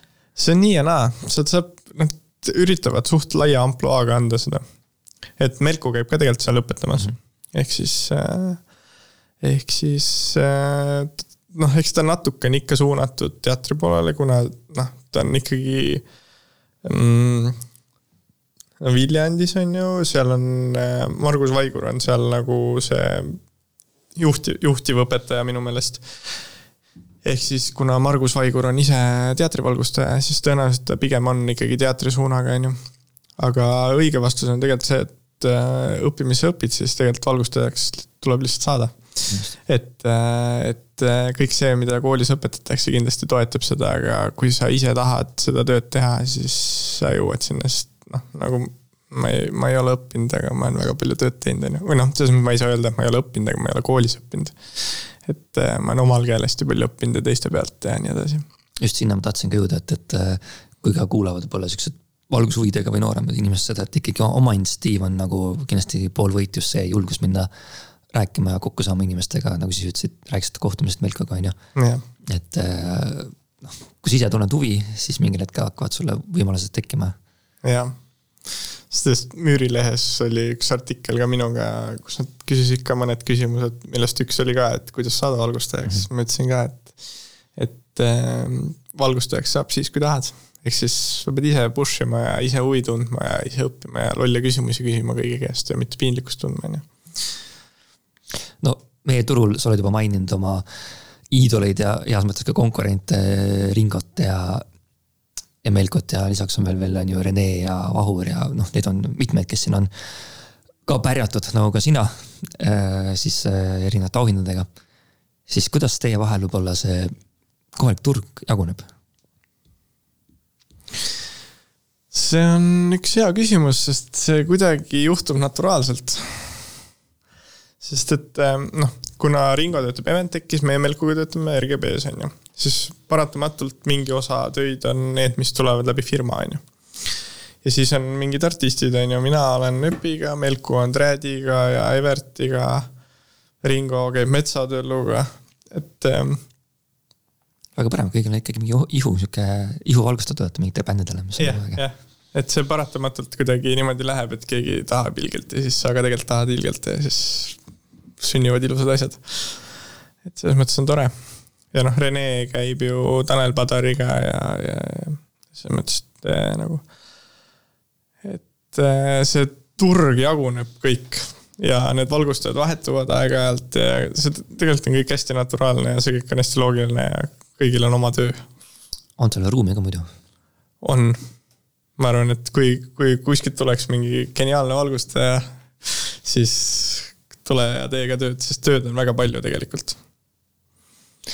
No sa oled ka oma töö eest saanud äh, tunnustust, nagu ka eelmainitud äh, kolleegid. et neli korda järjest oled sul nomineeritud võib vastata tõele. Eesti muusikaettevõtte auhindadel ja nüüd äh, oled võitnud ka, et nüüd käesoleval aastal ja ka kaks tuhat kakskümmend üks vist, kui ma õigesti mäletan. mis tunded sinust tekitab selline tunnustus? see on väga tore tunnustus. ma hindan seda väga. aga ma natuke pean ütlema seda, et see veidike on kogu aeg olnud see tunne, et see on sihuke sõpradelt sõpradele auhind, sest noh, Eesti on nii väike, kõik teavad kõike, on ju. et äh, mina isiklikult hindaksin näiteks mõnda välismaa tunnustust rohkem, sest nemad ei tea, kes ma olen, milline inimene ma olen, nad hindavad puhtalt mu tööd, on ju. et selles mõttes äh, mul on väga hea meel, et seda muusikaettevõtluse auhindu tehakse ja neid auhindu antakse ja mul on väga hea meel, et ma selle sain. ja see on ka minu jaoks oluline, aga ma hindaksin kõrgemalt mingeid välismaa asju. no jah, me võime paralleele ka EFTA-le tuua samamoodi oma väiksuse tõttu ilmselt, aga sellegipoolest, et. jah, see on väga tore, et neid asju tehakse ja tunnustatakse oma inimesi. jah, ja vaene Melko pole veel ammu võitnud. jaa, aga selle eest, selle eest ta tegi korraliku spurdi varem, neli, neli tükki järjest või palju neid oli. siis mõeldigi, et saaks juba see Timone piisavalt, piisavalt pädevalt, saaks talle kanda auhinda. muidu Melko on omanud vast riiulisse ära kõik ei, tegelikult on tore, iga selline tunnustus või selline väike gala või mis iganes, on see Kuldmuna, EFTA või muusikaauhinnad igast, et noh tegelikult on ikkagi ju äh, tore ja oluline, et olulised on need hetked, kui me saame nagu ka siin praegu ikkagi esile tõsta ja. nagu inimesi, kes on meid ikkagi ju aidanud ja see koostöö on ka alati see võti, et ka, et ma arvan, et. hästi tore oli vaadata neid Kuldmuna võitjaid ka, et ikkagi aa näe, seda projekti tegin ja seda projekti tegin. et just. riburada-pidi oled seal ka kuidagi ikkagi seotud. jah et ega jah, nii tihti ongi ka ju ikkagi ka telesaadete puhul mõne, mõnikord võib-olla teed mingit väikest asja kuskil, mis saab mingi auhinnaga, sa oled olnud mingi mm -hmm. osa sellest, et ei, tegelikult on oluline, tunnustamine on tore ja. mida rohkem galasid, rohkem tööd saame teha ka. jaa, absoluutselt. ikkagi tehke galasid. tehke suuri, Timol on vaja suurt. ja, ja tele, e-, Eesti muusikaettevõtluse auhindadel järgmine aasta teleülekanne ikka. just, ja siis ikkagi A Le Coq Arenaga, ma ei tea, katus peale siuksed utoopilised mõtted nii, aga sa nagu, kui ma väikses sissejuhatuses mainisin, siis tegelikult sa äh, keskmisest rohkem jagad oma tööikas sotsiaalmeedias, oled selline pigem, pigem aktiivsem kasutaja. jaa, ma olen ikkagi sellel meelel, et kui sa teed ilusaid asju, siis teised inimesed võiks teada ka, et sa teed ilusaid asju ja siis... enesekindlus on ka abiks, absoluutselt. jaa, nagu absoluutselt jah. ja seal on see asi ka, et ma ei tea, kuidas praegu seis on, aga viimati, kui ma tegin oma kodulehe ja portfoolio, siis ma olin üks väheseid Eesti valgustajaid, kellel oli portfoolio, kus näidata oma töid. ehk siis, mida on tegelikult olnud isegi vaja ka, sest et kui ma näiteks käisin seda Katari projekti tegemas, siis ka kõigepealt Tarmo küsis mu käest, et kuule, et kas sul on oma töid näidata, siis ma mingi, näe, palun koduleht, väga professionaalne. timotali.com. jah, just et äh, see praegu küll on natuke võib-olla unarusse jäänud, ma pole seda ammu update inud, aga, aga seal mingi põhi, põhitööd on olemas. et, äh, et selles mõttes nagu ma jälgin Instagramis ka hästi palju maailmategijaid, kes teevad seda tööd ja siis on ikkagi on hea jagada neid asju, mida sina teed, et nemad näevad mis tasemel sina oled, ehk siis nad võib-olla teadvustavad, kes sa päriselt oled ja võib-olla äkki kunagi tuleb sealt mingi töö või mingi töö tuleb kuskilt teistkaudu. ja sa satud nendega koostööd tegema, siis nad teavad, et sa ei ole mingi uhuu kuskilt tuugametsast, on ju. et selles mõttes äh, et kui sa tahad kuskile jõuda, siis ma arvan, et sa peaksidki ennast toppima igale poole ja näitama, et näe, ma olen olemas ja ma tahan teha neid asju. et sa kasutad seda siiski heas mõttes üks eneseturunduse jaoks jah, kindlasti, see on pigem nagu eesmärk jah ja ma tegelikult soovitan ka kuulajatele kindlasti vaadata, minna su Instagrami lehele Timo Tali on ju. jah, jah, lihtne ja seal mulle väga meeldivad ka, kui sa paned neid kas story'si või siis pilte, kus on see live ja visualizer Jaa. on kõrvuti ja siis see, mis päriselt tuleb, on ju, et, et need on hästi ägedad. see on jah eelmise aasta eestlast on need päris head klipid sellest. just, et kui sul vähegi tulevikus aega mahta on, neid olete väga kihvt nagu vaadata ka, et kuidas mingi asi, mis on su peas, siis ta on sul seal nii-öelda programmeeritud ja siis kuidas ta päriselt on, et seda Just. on nagu äge, äge vaadata, kuidas asjad nagu teoks saavad, et soovitan kõigil, kõigile vaadata. ja tegelikult, kes tahavad teada, kuidas päris algus käis, siis tegelikult on olemas ju ka blogi. kas sa mäletad, et sul on see või? see veel toimib. ma arvasin, et sa selle välja kaevad. muidugi, valguskujundus.blogspot.com viimane postitus on küll aastast kaks tuhat neliteist seal. Aga minu meelest äh, väga hästi on seal kogu teekond lahti räägitud ja sa oled iseenda nagu töid seal kuidagi arvustanud ja kokku võtnud, et mis läks hästi, mis halvasti, et väga äge lugemine, ma kõike muidugi ei lugenud see on kunagi võetud selle pealt, et äh, Melku ja Rene tegid Google abi mingit blogi, kus oli ka umbes analoogselt siuksed mm -hmm. keikapostitused põhimõtteliselt ja siis ma hullult mõtlesin, et tegelikult võiks ka teha ju. ja siis ma mingi aja tegingi, aga siis vajus ära kuidagi. Aga tegelikult on äge. tegelikult on väga ja. lahe, aga lihtsalt mingi hetk on see, et sul ei ole aega lihtsalt tegeleda sellega. aga see oli ka, kas pigem selline, kas sa tegid seda sellise mõtteviisiga, et nagu profisportlane, et sa analüüsid nagu oma tulemust ja kuidas paremaks saada või see oli pigem sihuke nagu päeviku pidamine mis suhtega seda? ma arvan, et see oli pigem päeviku pidamine ja see, et ma sain selle käigus seda analüüsida, see nagu töötas selle kasuks lihtsalt. et see kuidagi jah hästi naturaalselt juhtus niimoodi. Aga juba sealt oli näha, et noh, sa ikkagi, sulle meeldib oma mõtteid nagu jagada ja väljendada, sa oled ikkagi pigem selline nagu inimeste inimene, selline avatud ja hea suhtleja. ma olen sihuke, et äh, kui ma tean sind ja ma olen sinuga mugav, siis ma olen väga inimeste inimene mm. kui ma näen sind esimest korda, siis või on mingi suurema rahvaga event, siis ma väga ei ole sihuke inimeste inimene, ma pigem läheksin nurka ja nagu räägiks omaette endaga et selles mõttes, et äh, kirjutamine on mulle alati sobinud. Et sihuke, et sa saad rahulikult oma peas läbi mõelda ja siis paberile panna mingid sõnad ja mõtted, on ju. et see töötab minu jaoks palju paremini. mis tüüpi inimestega kohta sa muidu isiksusena oled, kas sa oled pigem selline, et kõik inimesed on head, kui nad teevad midagi halba või see, et kõik on hullult nõmedad ja halvad, kui nad tõestavad sulle, et nad on head? mul on pigem see esimene variant, et sa oled minu jaoks hea, niikaua kuni sa tõestad, et sa oled halb. Et ma ikkagi tahaks loota, et inimesed on ilusad ja head. väga südamlik. ma loodan, et enamus ikkagi on head. pigem on. see on tore. aga jah, kutsun veel kord üles, et tõesti minge lugege Timo blogi, see veel üleval on, äkki ta läheb, võtab selle maha. ei, ma seda maha vist ei võta, see on ikkagi osake, osake minu ajaloost. on jah, ei see on väga äge, väga kihvt.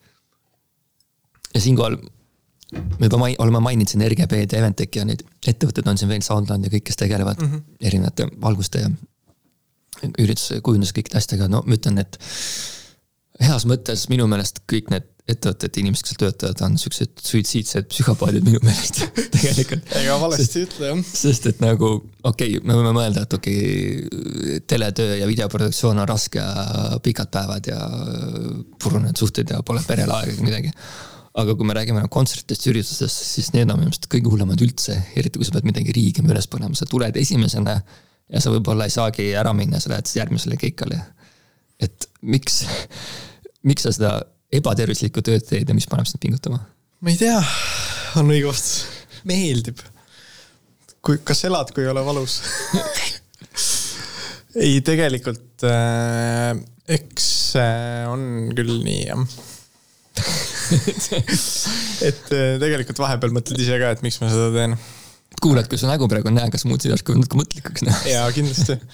sest et ega ähm, me ikka naljatame, et äh, selleks, et tööle saada kuskile Eventic või RGB-sse, et CV esimene rida on see, et ära ole normaalne inimene. ja siis edasi on soovituslikud oskused et pead veits hull olema ja nii kas kuskil real on ka see, et pead valaline olema ei. Okay.. meil on päris mitu inimest, kellel ikkagi on elukaaslased ja. ei, see on, see on tore, see on tore. see tuleb lihtsalt abiks alguse peal, et noh. see on nagu... väga mõistev elukaaslane peab olema ja. ikkagi selles mõttes see on ikka hullumeelne vahepeal, eriti suvel. et äh, aga jaa, noh, tegelikult seda on võimalik normaliseerida natuke ka, et äh, see muidugi oleneb, mida sa teed ja kuidas sa teed ja kes sa oled, on ju. aga mm, sa saad alati oma juhtidega või ise nagu siis sobitada seda graafikut kuidagi niimoodi, et, et nagu sorry, aga kakskümmend tundi päev ei ole okei okay,, on ju. et lepime kõik kokku, et nagu ärme tee siukseid asju et mille nimel või miks või et kas me tahame, et me oleme neljakümneseks kõik surnud või nagu, et nagu. et selles mõttes, et seda peaks tegelikult kõik veits forsseerima. Et äh, mina olen siin natuke enda eest võidelnud ja ma nüüd natuke olen neid asju normaalsemaks saanud ja ma enamasti ei pea niimoodi surema. et, äh, et mina kutsun kõik üles äh, võitlema selle nimel, et et, ka nagu selle tööstuse inimestel oleksid normaalsed töötunnid ja noh. noh, on, mis on, see on ju füüsiliselt nagu ühtemoodi, aga mentaalselt ju see rikub vaimset tervist ka päris korralikult selles mõttes, et, et selleks, et nagu püsida kuidagi mitte hull inimene, hullu, hulluks minna ja olla normaalne inimene, siis ja mitte pröögata ja karjuda teiste peale, on ju, siis tegelikult sul on vaja seda puhkust teha ja see nagu noh, see, see on, see tegelikult on lihtsalt orgunni küsimus. sest ei ole ja noh, okei okay,, seal on natuke see ka, et sul peab olema inimesi piisavalt, on ju. et neid äh, vahetusi teha, on ju. aga tegelikult finantsiliselt ju need summad jäävad samaks nagu kuluread selles mõttes, et see on lihtsalt mingi mees peab võrgu unnima, et palun nüüd paneme siia värsked inimesed ja paneme sinna nagu inimesed puhkama, on ju. et nagu see minu arust ei ole vabandusi, et miks inimesed peaksid tegema siukseid asju. see on äh, väga hea point minu meelest ka. nii nagu Smilers võitleb selle eest, et noh, maa seal esineda, siis kas sa tunned kogukondlikult ka, et võib-olla, et või kui palju üldse saavad siis noh, ettevõtjad võib-olla aru sellest, et noh, ongi just sellest normaalsest nagu tööajast, et niikuinii see ütleme eh, regulaarne unegraafik ja regulaarne toitumine on sihuke privileeg selles valdkonnas ju palju. et eh, kas sa näed, et võib-olla kogukondlikult ka, et äkki sinna suunas üritatakse vähemalt liikuda? kasvõi no, ütleme, sina nagu erkepsiseselt näed seda? No selles mõttes, et kui ma hakkasin selle teemaga tegelema, siis äh, ikkagi inimesed on mõistvad ja nad tegelikult saavad aru, et see tegelikult ei olegi okei okay,, aga lihtsalt neid asju on kogu aeg nii tehtud. Et nagu. mustrit on raske murda. jah, aga, aga piisava nagu, kui sa, igaüks peab enda eest seisma, on ju et selles mõttes, et kui, kui me nüüd, mina lähen sinna ukse taha kraapima, on ju, et kuule, et noh, et see ei ole okei okay,, on ju, siis võib-olla okei okay,, sina tulid, okei okay,, me siis teeme sinuga kõik korda, on ju. aga, aga teised mehed ikka kuskil piinlevad, on ju, aga kõik ko kooskondlikult, on ju äh,, seal äh, pröökavad, et kuulge, et ärme tee nii, siis, siis lõpuks see asi läheb korda, on ju aga noh, eks seal on mingid küsimused ka, et noh, et kes kui palju raha tahab teenida ja mingi, mis kellegi prioriteedid on, on ju. tõsi. et äh, mõned inimesed ongi okei okay sellega, et nad teevad retsilt tööd ja saavad retsilt pappi, on ju, aga ma ei näe, et see raha põhjendaks seda, et ma olen võib-olla kahekümne aasta pärast mingi lombakas, on ju ja tegelikult nagu sa ise ütlesid, ega sa oledki ise ju mingil määral ikkagi töönarkomaan heas mõttes, et sulle lihtsalt nii ja. palju meeldib see, et sa tihti võib-olla unustadki ära oma. aga, aga füü, füüsiline töö on mu suurim foobia mulle meeldib mingeid asju teha, aga lampide nagu ülesehitamine mm. ei ole võib-olla see mhm. number üks seal nimekirjas kas muidu valgustajatel ja valguskunstnikel, kas teil mingi oma mingi ametiühing või mingi asi on või mingi? ei ole, Eestis ei ole üldse, isegi mitte väga... nagu sellel nii-öelda event sektoril siis mm. -hmm. et sellest on räägitud küll, aga seda mingit katust ei ole saadud kokku kuidagi mm. -hmm et noh, tegelikult võiks olla muidugi. aga meeldiks sulle selline, nagu on siin, ma ei tea, Soomes vist on ka, et kell kukub, siis kõik, mis no, käes on, kukub maha ja lähme nüüd puhkama magama või see on natuke liiga äärmuslik ikkagi tegelikult? noh, mul on see kogemus filmi pealt ka, kus hästi on kellaga kõik seotud, on ju et. Äh, no filmiperioodid on ka hästi-hästi pikad ikkagi, kolm kuud järjest. jaa, no. aga seal on natuke see asi ka, et kui mul on täna kaksteist tundi, mul saab kaksteist tundi täis, on ju, ja ma nüüd pean ära minema ja ma tean, et mul läheks tund aega veel, et ma oleksin niimoodi, et ma järgmine päev tulen ja mul on mm -hmm. kõik väga-väga hästi, on ju, versus see, et ma tulen järgmine päev ja siis me tahame võttesse minna ja kõik on väga-väga pahasti, on ju. et siis, äh, siis äh, ma ei, ei ole hea lahendus see, kus inimesed ennast surnuks töötavad. ei ole hea lahendus see, kus kõik on nagu fixed kellaajaliselt, on ju. et seal peab olema mingi mõistlikkus ja seda ongi keeruline teha, aga ma arvan, et see tegelikult on võimalik. jah, see tuleb lihtsalt ilmselt nagu sa ütlesid, kollektiivselt ja kogukondlikult kuidagi ja. mingisugused nii-öelda piirmäärad ja asjad nagu paika panna, et. jah, just. ja on ja on, ta ei, ei tahaks ju, et, et meil valgustajatest veel rohkem puudust tuleks tulevikus, kui keegi enam ei jaksa ja kõik on unavõlas ja ei tule teid nii palju peale. Või, või kas sa näed tegelikult, tuleb üldse kuskilt mingeid uusi ka või, või sina oled kõige värskem liige tegelikult praegu? ei, on ikka noorem ikka, kes on, noh, me RGB-s oleme üldse, meil on, me oleme suht eesrindlikud nii äh,, nii kuna, kuna olgem ausad, meie sektor on, äh, koosneb valdavalt äh, meessugu poolest, siis äh, viimasel ajal on RGB-sse hakanud ka pigem naistööjõudu võtma. ja lisaks sellele siis on ka võetud väga palju noori tüüpe, kes kõik õpivad ja noh, kuidas sa saad keikamehi, on ju täpselt sellist. keikameest on mõtet sa nüüd praegu? noh, tehnikuid mm, -hmm. mis iganes, valguskunstnikke on ju. et kuidas sa saad neid, tulevad taevast ise kukuvad, on ju, sülle ei tule ju. ehk siis, kui sa võtad mingid noored inimesed ja võtad nad tööle enda juurde ja siis õpetad selle käigus, siis, siis sealt nad tulevad, on ju. et kui sa ise selle nimel ei tööta, siis ega nad kuskilt nagu võluväel ei tule. ise peab koolitama väga palju, nii on jah ja ka sa mainisid, et äh, on tulnud naisi juurde ka või nii-öelda operaatorite valdkonnas on ka tulnud väga palju tublisid tüdrukuid juurde, mis on ka nagu. on tore, tore näha, et nad on püüdlikud ja hakkajad ja lisaks mehed pingutavad rohkem ja, ja, ja tegelikult ka see, et ega nende noh, töövõime ja mõtlemisvõime on nagu ikkagi teistmoodi ja see laiendab ka ikkagi noh, seda yeah. pilti, et muidu on üks sardellipidi ka ei, tegelikult on, tegelikult on hästi tore. tegelikult on väga tore. Nad mõtlevad ikkagi teistmoodi ja mm. -hmm. aga su aeg, mis kulub valdavalt äh, pimedas ruumis lampe vilgutades. täna ma olen ülitänulik, et meil on siin ilus äh, päev siin Kadriorus, et sa leidsid aega, et siia tulla esiteks. aga millega sa muidu oma sihukest seda kulunud aega, mida sa kunagi tagasi ei saa, mida sa, kuidas sa kompenseerid ja kuidas sa enda vaba aega endale võtad ja mida sa teed sel ajal? Äh, kõige lemmikum tegevus on see, et ma lähen koju, olen voodis, ei tee midagi. on täiesti aus vastus, aga see nagu, see, see tundub hästi kuidagi morbiidne, aga tegelikult see on nagu nii vajalik. Sest et minu meelest väga paljud inimesed ei oska või nad ei tunne ennast nagu üksinda lihtsalt mitte midagi tehes mugavalt ja. üks istub su vastas siin praegu et nagu selles mõttes ma, mina naudin seda väga, et ma saan rahus ja vaikuses olla. aga kui ma midagi teha tahan, siis ma näiteks lähen spaasse selleks, et äh, ennast maha laadida. ja looduses on hästi tore käia. vahel ka kaameraga jalutan ringi looduses. Või noh, see hakkab sinna jälle sinna töövaldkonda minema, aga noh. ei no teed pilte või filmid? teeb pilte mm. -hmm. et selles mõttes, et äh, ikkagi on sihuke mahalaadimismoodus ja siin eelmine aasta ma otsustasin, et ilgelt tore oleks trumme õppida. sest et noh, kuidagi tööga seotud ja muusika on alati nagu elus kuidagi, kuidagi olulisel kohal olnud ka. ja noh, siis ikka käid sõpradega väljas ja kuigi ma, ega ma sihuke pidutseja väga ei ole ja, ja alkohol ka väga ei maitse, siis, siis ma pigem olen sihuke rahulik. uskumatu. kas seda tööd saab kaine peaga teha? tuleb nii välja kusjuures meie firmas on äh, töölepingus kõigil punkt, et ei tohi tööaega juua, nii et. mõistlik. peab, peab saama. kas kellelgi ei ole äh,? meie firmas. jäi niimoodi kirjas teistel firmadel? ei, ma ei tea, ma ei tea, ma ei ole. ei, tegelikult see oli provotseeriv küsimus. ma ei ole teiste töölepinguid näinud ju see oli provotseeriv küsimus. Aga sa tõid muusika sisse. Äh, kui suurt rolli või millist rolli muusika selles mängib?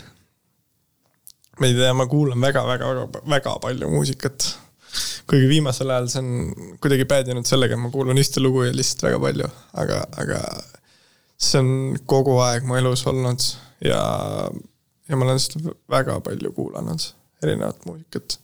ja see kuidagi pakub mingeid emotsioone ja aitab ka samamoodi maha laadida. Et noh, et kui ma seal kodus voodis ka olen, mitte midagi ei tee, siis ikkagi panen klapid pähe või, või noh, okei, vaatan filme ka, aga, aga see muusika kuidagi on ja aitab. mis tüüpi muusikat sa kuulad? siis seda on keeruline nagu defineerida mingi ühe žanriga. et see on seinast seina ja oleneb tujust, oleneb nagu eluperioodist, kõigest. et vahepeal on, kuulan tehnot ja teine päev kuulan hoopis mingeid üliilusaid, mingeid akustilisi lugusid ja ja samal ajal visualiseerid oma peas, et kuidas see. ei.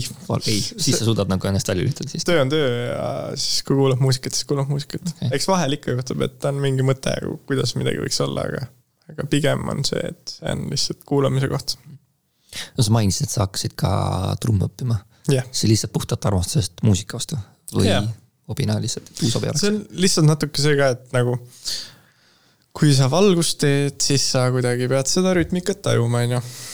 Kusjuures selle Tuukekstardis uue tuuri peal oli üks hea nali oli see, et ähm, Neiu Mustas kleidis on sihuke breigi koht, kus äh, kus äh, tuleb blackout teha, ehk siis kõik lambid kustu panna mm. -hmm. ja see oli kuidagi niimoodi, et sa pidid lugema, muidu sa ei saanud pihta sellele. ja ma ei suutnud lugeda sellel ajal üldse takte ja siis see helimees, kes meil oli, Margus Hunt, tema luges mulle iga kord ette, ütles nüüd. Ah, tore. et selles mõttes, aga noh, nüüd ma olen selles nagu paremaks saanud, et, et kui sa teed seda tööd piisavalt kaua, siis sul kuidagi tekib see intuitsioon, et kuidas need lood on struktureeritud, on ju. aga lihtsalt see trummimäng kuidagi tuli jah, et äh, kuidagi oli mingi tunne, et võiks ja siis läksin Mikk Simsoni juurde õppima. ja kelle juurde? Mikk Simsoni, miks Simson?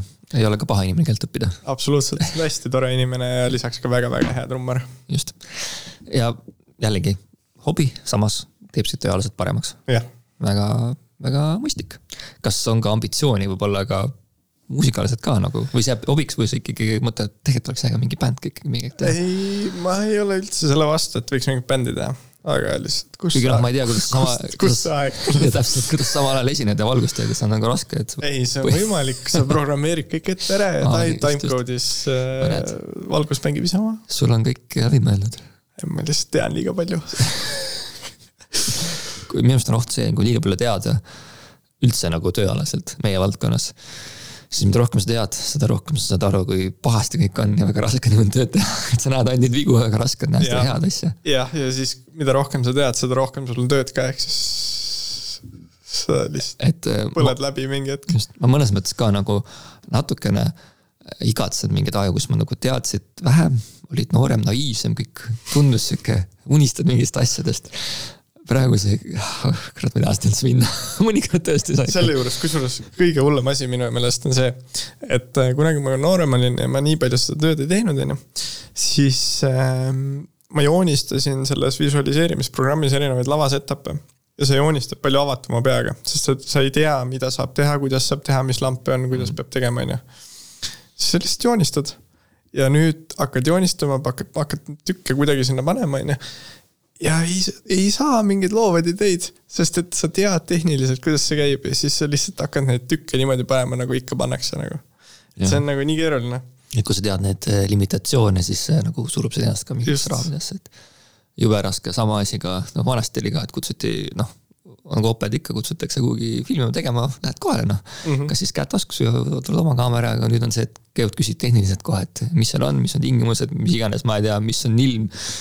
kas meil on vaja valgust, kas vaja mikreid, hakkad järjest nagu küsima kõiki asju varem oli see, et noh. Kutsutud lähed ja sa ei mõelnud üldse, lähed ära nagu ja siis kohapeal selgub, et mis võib-olla, mis päriselt tahetakse. tulid, tulid lühikeste pükstega, tegelikult on see su suusavõte. suusavõte või mingi tähtis musta lipsu üritus või kuidagi varem oli see nagu lihtsam, nüüd sa mõtled juba rohkem nagu tehniliselt, kuigi tegelikult võib-olla võiks mõelda lihtsalt selle emotsiooni sisu rohkem mm. Mhm. -hmm. Raske on vahel teada liiga palju, igatahes, mitte et me kõike nüüd teaksime. jaa, absoluutselt, mina ei ütle kunagi, et ma kõike ja tean. just sama, täpselt sama ka, et ei taha nagu siin mingit üleolevat muljet jätta, aga.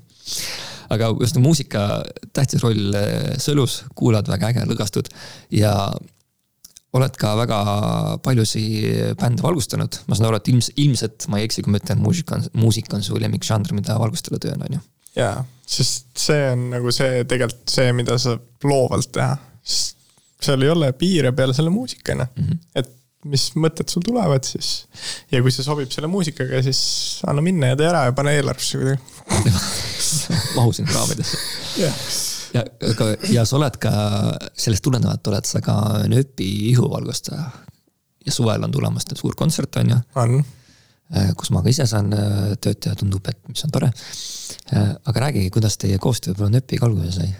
kuidas saada üldse ühe bändi nii-öelda ihuvalgustajaks? Hmm. see on äh, üks hea küsimus, mis nõuab meeldetuletamist natuke. ilmselt oli mingi pidu, on ju, sina ei joonud. ei olnud pidu, kusjuures.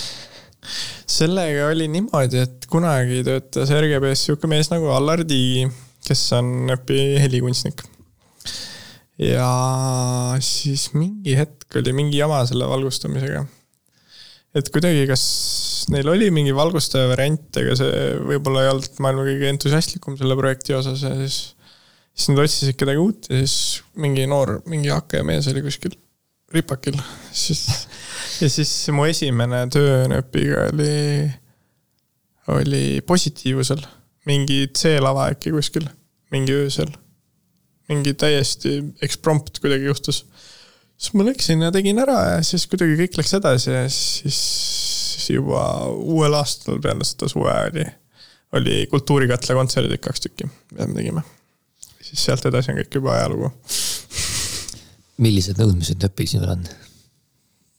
ei ole nõudmisi, me oleme pigem siuksed sõbrad, nii et nagu sihuke noh, et kuidas siis, mis siis.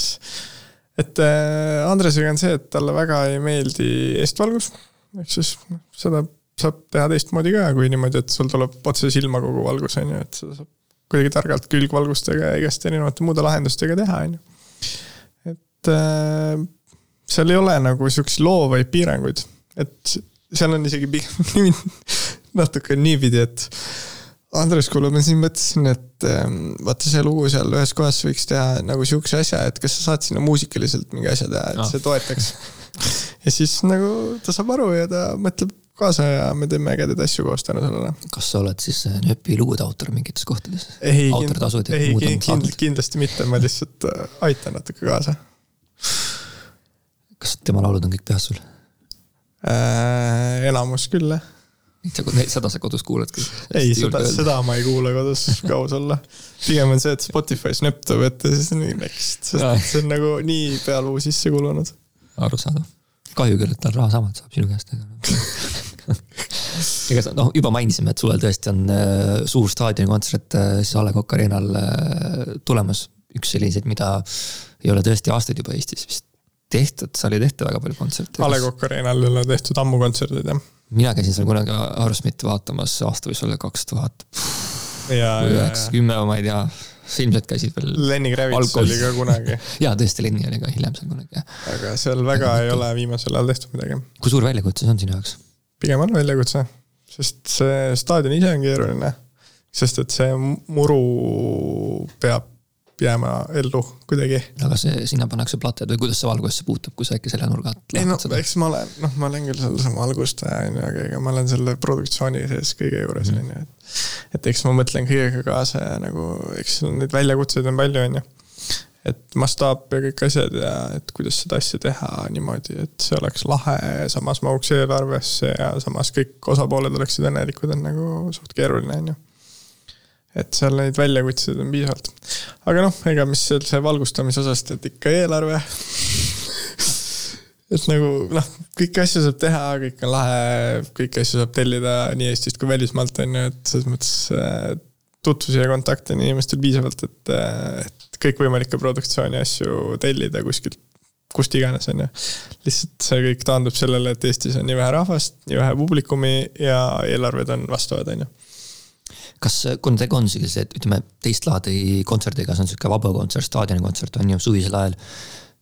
kas seal on midagi, midagi sellist uut ka, mida sa saad enda jaoks katsetada või testida esimest korda või millele võib-olla kontserdi külastaja võiks siis antud juhul tähelepanu pöörata hmm.? ega ma ei saa kõiki trikke ära ka öelda. ei, no kõik mitte, aga ühe ikka, sa pead müüma selle kuidagi, miks ma miks ma pean tulema vaatama seda kontserti? lisaks nööpile. sest et Eestis ei ole tehtud nii suurt, nii hea kvaliteetse produktsiooniga kontserdit ma arvan, et kogu see tervik on äh, ma arvan, et büromeeskond teeb kindlasti ka ühe parima soorituse, mida nad teinud on. sest ma usun, et see ilutulestik, kõik muud asjad, mida seal võib, juhtuda, võib-olla ei või, või juhtuda, vaatame, kuidas juhtub. et, et see kindlasti võiks tulla lahe. et kogu see tervik on midagi, mida Eestis ei ole, ma arvan, tehtud veel niisuguses mastaabis kui see kõik juhtub, nii nagu ma arvan, et see juhtub. siin on võib-olla hea küsida, et kui pikk üldse sellise kontserdi jaoks on ettevalmistusperiood, et millal sina näiteks said juba teada, et okei okay,, selline asi tuleb, hakkame selle nimel tööle? esimesed jutud olid äh, äkki septembris, et äh, siin me ühe teise meeskonnaliikmega võib-olla natukene tead survestasime, et peab midagi tegema. ja siis, et võiks teha midagi suurt ja siis kuidagi jõudsime sinna A Le Coq Arena'le ja siis sealt on edasi läinud see kõik. ikkagi aasta, peaaegu aasta aega käib kokkuvõttes selline. no sellise mastaabi puhul ja arvestades seda, et Eestis ei ole tehtud sellist asja nagu sellises, sellisel levelil, siis äh, ma olen pigem selles klubis, et hakkame parem varem peale, kui et jätame viimasele minutile. no see kontsert toimub suvel ja üldse väga paljud suured festivalid toimuvad suvel, ööd on valged, pikad. Siis inimene mõelda, et mida seal ikka valgustada on. ei no aga augustis on ööd pimedad juba. no alates kella kümnest võib-olla. noh. noh, aga kell seitse, kui ma esinen, siis noh. kas ma sulle, ma Timole palka maksan alates kella seitsmest alates kümnest? no ei peagi maksma ei, aga kui tõsiselt rääkida, siis noh, ma saan aru, et loomulikult on see vajalik, aga kui sa pole, püüad nagu lahti seletada, et eh, kuidas erineb võib-olla selline suvise valge, valge, valge ajal ürituse toimumine võib-olla siis. Eks, eks seal on niimoodi, et ähm, kui sul on ikkagi valge aeg, on ju, siis üritad kasutada selliseid lampe, millel on võib-olla selline hästi suur nägu nii-öelda siis või see lähetis, et mida sa näed, mis on reaalselt nähtav ehk siis, ähm, ehk siis sa üritad kasutada selliseid efekte, kuna sul valgusjõudu niikuinii ei ole nii palju versus päiksega, on ju. Siis äh, sa ei saa kasutada mingeid selliseid kiire efekte või mingeid asju, sest noh, ega päiksevalguses toska ja kõik on mingi sihuke mm.. ja siis äh, keerad lambid inimestele silma, teed hästi laiaks need niimoodi, et inimestel oleks näha midagi ja siis vilgutad neid kuidagi, et nagu ega sealt päiksevalguses suurt kunsti teha nagu väga ei saagi, tegelikult on. et on ikkagi väljakutse ei ole kõige, kõige meelsam tegevus võib-olla, mida. valgus ja. hakkab pimedusest. väga hea tagline. Selle võib pealkirjaks panna äkki isegi väga hästi öeldud, valgus algab pimedusest. või tegelikult sa oled kuskilt varastanud selle või? ei, ma ei tea, see, see kuidagi, see kuidagi on mu peas kogu aeg olnud, sest tegelikult nii on. nii on jah. et kui sa lähed kuskile black box'i, siis on palju lihtsam teha valgust kui kuskil valges saalis on ju kõike saab kontrollida ja kõik on ikkagi sinu käe all. aga tuleme tagasi selle juurde, millest me alguses juba natuke põgusalt mainisime, et sa tõesti käisid üritusel, mis on ilmselt tele ja sealhulgas ka valgusproduktsiooni pärast maailma suurim ilmselt, ilma liialdamata. tõenäoliselt küll, jah. Eurovisiooni lauluvõistlus Liverpoolis just värskelt oli, oli.. käisid seal, nägid elu. kuidas sa sinna üldse sattusid, mida sa tegid, et räägi sellest, et kuidas sa olid tiimiliige? ma just eile hakkasin mõtlema selle peale, kuidas see kõik juhtus, siis äh, tegelikult oli niimoodi, et ma juba tahaks öelda, et oktoobris või novembris olin Aalika äh, muusikavideo selle võttega juba seotud. et tegelikult minu teekond sellel, äh, selle looga hakkas juba sealt. aga siis sealt edasi läks, äh, noh kuna Aalikal on sama management, mis Snöpilgi, siis nad võtsid need meeskonda need inimesed, keda nad usaldasid ja keda teadsid, kes on head, on ju. või noh, nende arust. ega ma ei ütle, ma hea olen. sa oled seda juba korduvalt maininud, siin saame aru. kelle, kelle, kellegi jaoks ma olen hea, kelle jaoks ma olen halb, on ju. et ähm, ja siis sealt äh, mina ja Mattias Tammik mõtlesime selle Eesti Laulu tehnilise poole välja kõik. et mis visuaalides ja kuidas ja siis Tarmo Krimm mõtles äh, režii välja sellele loole ja siis eks me seal lihvisime seda Eesti Laulu poolfinaalides ja finaalides. siis võit tuli ja jube keeruline oli, ma olin seal lava taga, sest et ma tegelesin selle isemängiva klaveriga ka mm. sa räägid natuke lahti ka nüüd seda täpsemalt konkreetset ülesannet, mis sa seal äh, tegid? no see klaver on sihuke tore asi, et iga klahvi all on põhimõtteliselt sihuke mingi julla, mis liigutab neid klahve, on ju. aga põhimõtteliselt ta töötab niimoodi, et on sihuke protokoll nagu midi, mida kõik muusikud teavad, millega tavaliselt salvestatakse mingeid klaveritracke ja asju. Aga see klaver töötab teistpidi niimoodi, et sa saadad sinna sisse midi. ehk siis ta mängib maha sinu need virtuaalseid noote. ehk siis äh,, aga kuna midi on selline loll standard, et ta levib mingi umbes kümme-viisteist meetrit mööda traati, siis tegelikult seal on mingeid konvertereid vahele vaja, et noh, et kuidagi ta nagu mõistlikult distantsi levitama panna. Ja siis ma ka tegelesin kõige selle asjaga ja siis see peab ju kõik mängima sünkroonis selle muusikaga, on ju, ja et noh, kõik, kõik, kõik, kõik see, et ma vastutasin selle eest, et see töötaks. kas sa mõtlesid selle süsteemi põhimõtteliselt välja? ma mõtlesin selle välja ka jah, aga ma juba kogemata kunagi olin ostnud mingid siuksed karbid endale nööpi jaoks, mida ma küll kordagi ei ole veel nööpi laivil kasutanud, aga aga mul nad olid olemas ja väga hästi töötasid, ka Eurovisioonil põhimõtteliselt, kas see tehniline sett oli sama Eurovisioonil, mis ta oli Eesti Laulul? jah okay., et see tehniline süsteem oli täpselt sama mm. -hmm. ja klaver oli sama? klaver oli ka sama, Estonia sealt Tallinna lennujaama ootesaalist. äge, et kõik, kes tulevikus lendavad, võivad minna katsuma seda klaverit, ainult seal ta ei mängi ise, ainult peab ise mängima, on ju. jaa. või siis võiks lugu kogu aeg mängida. kuigi tegelikult neil on see mingi iPad ja tegelikult nad peaksid saama sealt mingeid lugusid ka mängitada mm.. et ma ei tea, kuidas, kuidas nad selle korraldanud seal on vist. Aga kas, muidugi Aalika vist ei olnud ka ainuke Eesti Laulul, kes, kelle eest sa vastutasid. Eesti Laulul oli, oli paar projekti veel, jah. okei, aga jääme selle Eurovisiooni konteksti praegu, et noh, emotsioonidest natuke juba rääkisime, aga kui palju ja mida sa sealt kõrvalt üldse jõudsid vaadata ja õppida, ega sinna ju tegelikult väga, ma ei tea, kui lähedale sind üldse lasti, seal väga limiteeritud inimesed saavad ju tegelikult üldse vist äh, nii-öelda minna saali kaasa mingit teatud aladele, et äkki sa nagu räägid natuke seda ka lahti? Ja seal, seal see turvapool on päris äh, tugev niimoodi, et äh, kui on delegatsioonide esimesed proovid, kus nad on ainult üksinda, siis põhimõtteliselt sa saad olla ainult enda proovis ja siis äh, kui pärast hiljem on saated, siis näiteks mind eskorditi iga kord sinna lava juurde, kus minu see playback'i koht oli nii-öelda. mingid kindlad ajad, millal sa saad seal olla ja teha oma asju, et mingit sihukest, et nagu Eesti Laulul, et ma nüüd jalutan ringi ja lähen teen, mida ma tahan, on ju, sihukest asja väga ei olnud ja et käid võileiba võtmas, tuled sellega saali ja no,. ei, võileiba, võileibadest võid ainult unistada tegelikult et seal äh, kohvi ja teed said, aga võileibu ei olnud. no, et glam life Glam life, jah. et äh, aga noh, selles mõttes igal pool on monitorid, sa näed seda, mis televisioonis toimub, on ju. et selles mõttes ja noh, ikkagi maailma creative poole koorekiht on kohal, et noh, mina esimest korda Eurovisioonil olles, siis ega ma kedagi väga palju ei teadnud, on ju, aga aga mul oli õnn olla koos Tarmoga seal, kes, kes on nagu korüfee, ta vist siin luges kokku, et tal oli kaheksateistkümnes akreditatsioon, on ju. et, äh, et selles mõttes, et see, see, mis seal telgi taustas toimub ja kes seal on ja et sa saad kõigi nende inimestega tuttavaks, et see on nagu kindlasti väärtuslik nagu. aga seda nagu siis reaalselt äh, et sa oleks kuskil saanud valguspuldi kõrval olla või lähedal või näha, kuidas nad reaalselt oma tööd füüsiliselt teevad, seda nagu ei tekkinud sul, sa mainisid, see on täiesti võimatu, välistatud on ju? okei okay..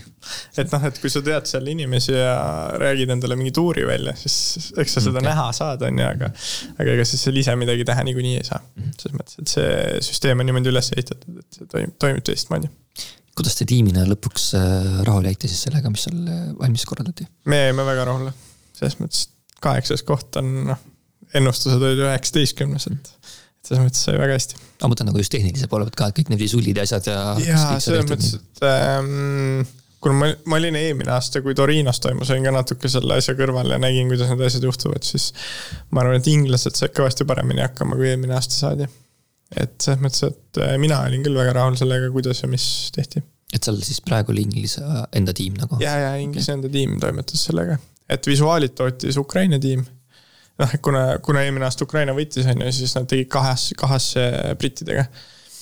et äh, Ukraina tiim, see Starlight tegi visuaalid, kui sa tahtsid, et Eurovisiooni tiim toodaks visuaalid. ja siis inglased tegid valguskujunduse ja kõik muu tehnilise millised äktid võib-olla sul endale sealt silma jäid, kas oli midagi sellist, mida sa, kui palju sul oli aega seal neid nagu vaadata? ei, aega oli palju. olid sa saalis selles mõttes? ei ma saalis ei olnud selles mõttes. ah, ära küsi nii keerulisi küsimusi, mis mulle meeldis. Eesti meeldis no. raskesti oleks ka muud moodi vastata. et noh, seal oli väga palju creative ideid. ma just vaatasin seal, kui ma olin, ootasin oma korda, siis äh, Itaalia act'is olid hästi lahedad need ähm, Trep, äh, trepikukkujad. trepikukkujad jah, see nägi väga lahe välja, just koreograafia mõttes. et nagu noh, mingit sihukeste tehniliste vigurite peale ei suuda nagu väga erutuda siin midagi, aga. Aga just mingid koreograafilised ja loovideed, mingid mõned, mida näed, siis on hästi tore. et see mm, kas see oli Aserbaidžaan, kellel oli see projektsiooniga asi, et see oli ka päris lahe või kas see oli, oli Aserbaidžaan, vist oli Aserbaidžaan.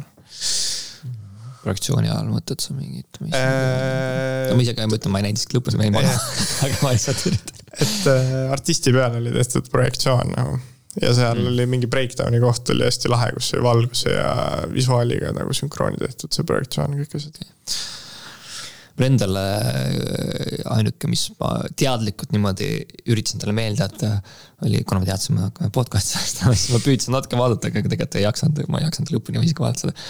mulle vist jäi silma see, kas see oli äkki Armeenia või? Armeenia oli vist see, kus oli mingi kandiline platvorm, tüdruk laulis brünett. just, ma mõtlesin sedasama, jaa. aa, vot vot ajasin sassi Aserbaidžaani ja ja, Armeenia ja kas see oli pool kaldu ja seal oli see, et see vahepeal oli, muutusid pooled ja, ja jaa, siis oli just, see, vot see mulle silma. mulle ka meeldis see. see oli tõesti nagu Jah. väga, et natuke, natuke võib-olla erines teistest uutmoodi, see oli yeah. aga just tabasin, et kui mõtlete, et ütleme, kui Eesti Laul on võib-olla saanud siin kohati mingitel aastatel kriitikat, et noh, see läheb jube muusikavideoks kätte ja kaob see live feeling ära. no siis minu meelest Eurovisioon see aasta nagu mingil määral selle sammu võib-olla edasi viinud just selle poole pealt, et ongi hästi palju seda graafikat ja projektsiooni ja taustal juba jooksevadki need noh, sul on LED-i peal taustal on lisa, lisaks act'il on seal video ka, on ju. et see ongi väga live muusikavideo, et kuidas sina sellesse suhtud, kas läheb natuke liiga üle piiri? või on see nagu veel maitsekas, et, et me teemegi live muusikavideo ülekannet põhimõtteliselt? mina arvan, et miks mitte.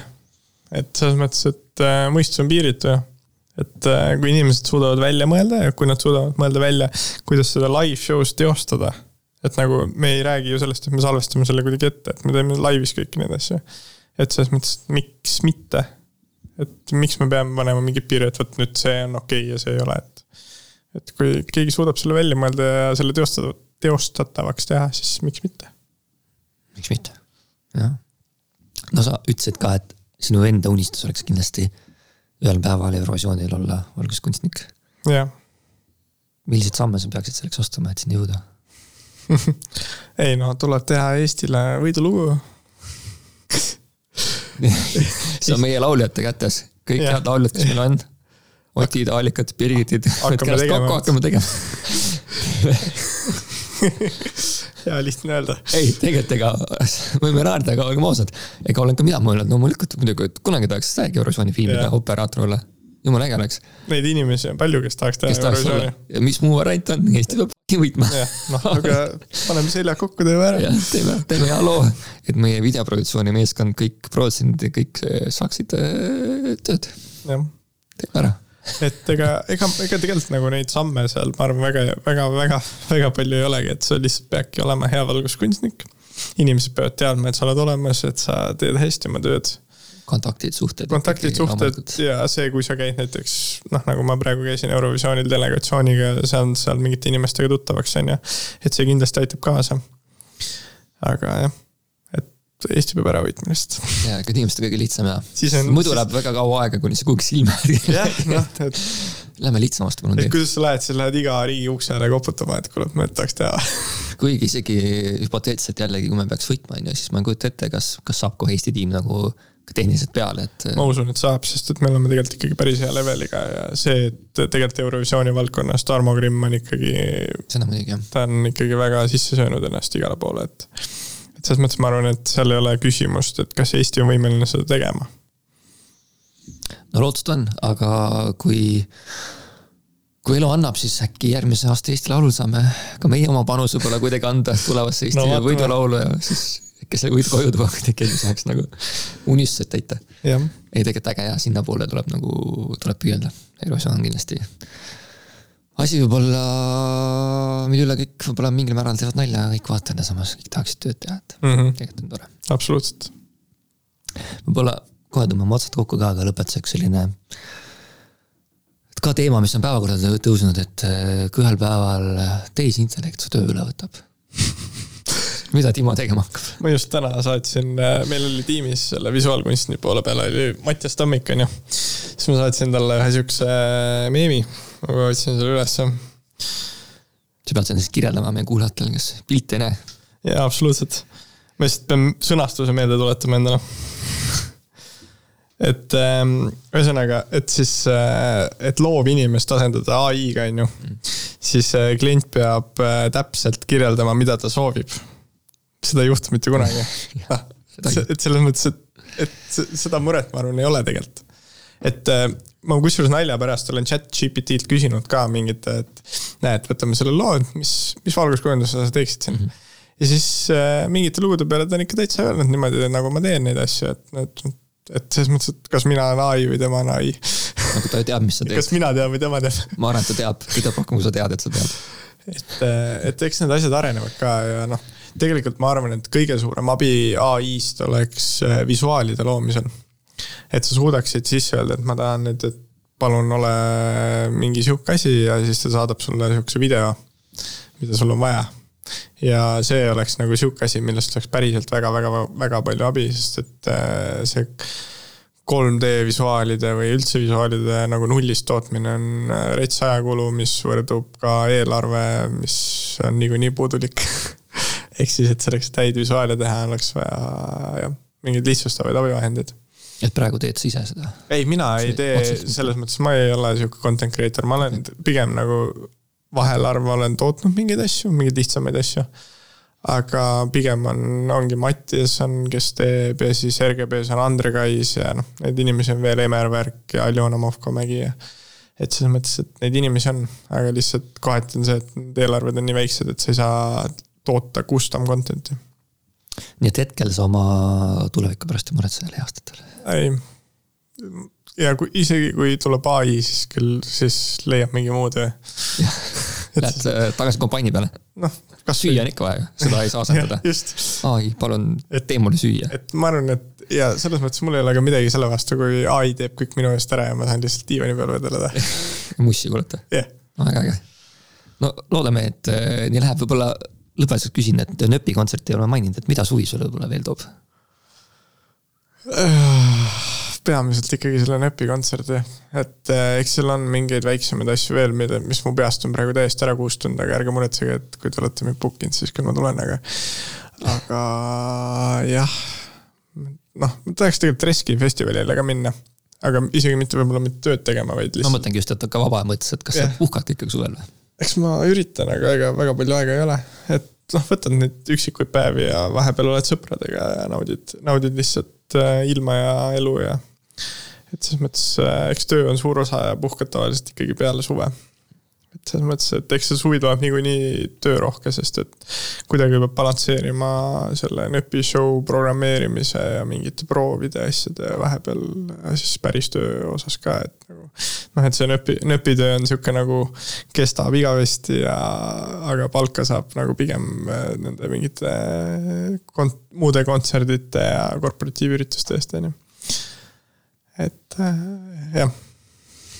no igal juhul ma tänan sind selle eest, et sa täna võtsid selle aja, meil läks nagu suht tükk aega, kuni me jõudsime selle äh, kokkusaamiseni siin, lükkus natuke edasi siin teatud põhjustel, mis oli ka hea. sest jõudsime vahepeal Eurovisioonile rääkida, niisugune väike üritus, mis toimus, on ju, natuke sissevaadet anda sinna.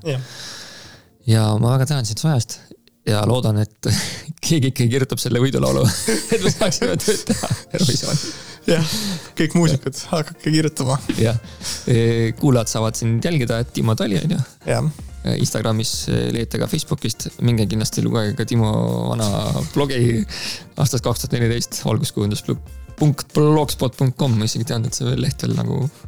blogspot toimib, mis on äge ja ma tõesti loodan, et me sinuga kohtume mõnel üritusel, ilmselt nööpil ja võib-olla kuskil veel. ja kindlasti näeme. ja, tänan ka kuulajaid, jälgige Klapp podcast'i samuti, et Klapp podcast. kui on küsimusi, vastuseid või tahate anda tagasisidet tänase osa kohta, siis kirjutage Instagrami ja juba jäämist episoodideni. tšau. tšau.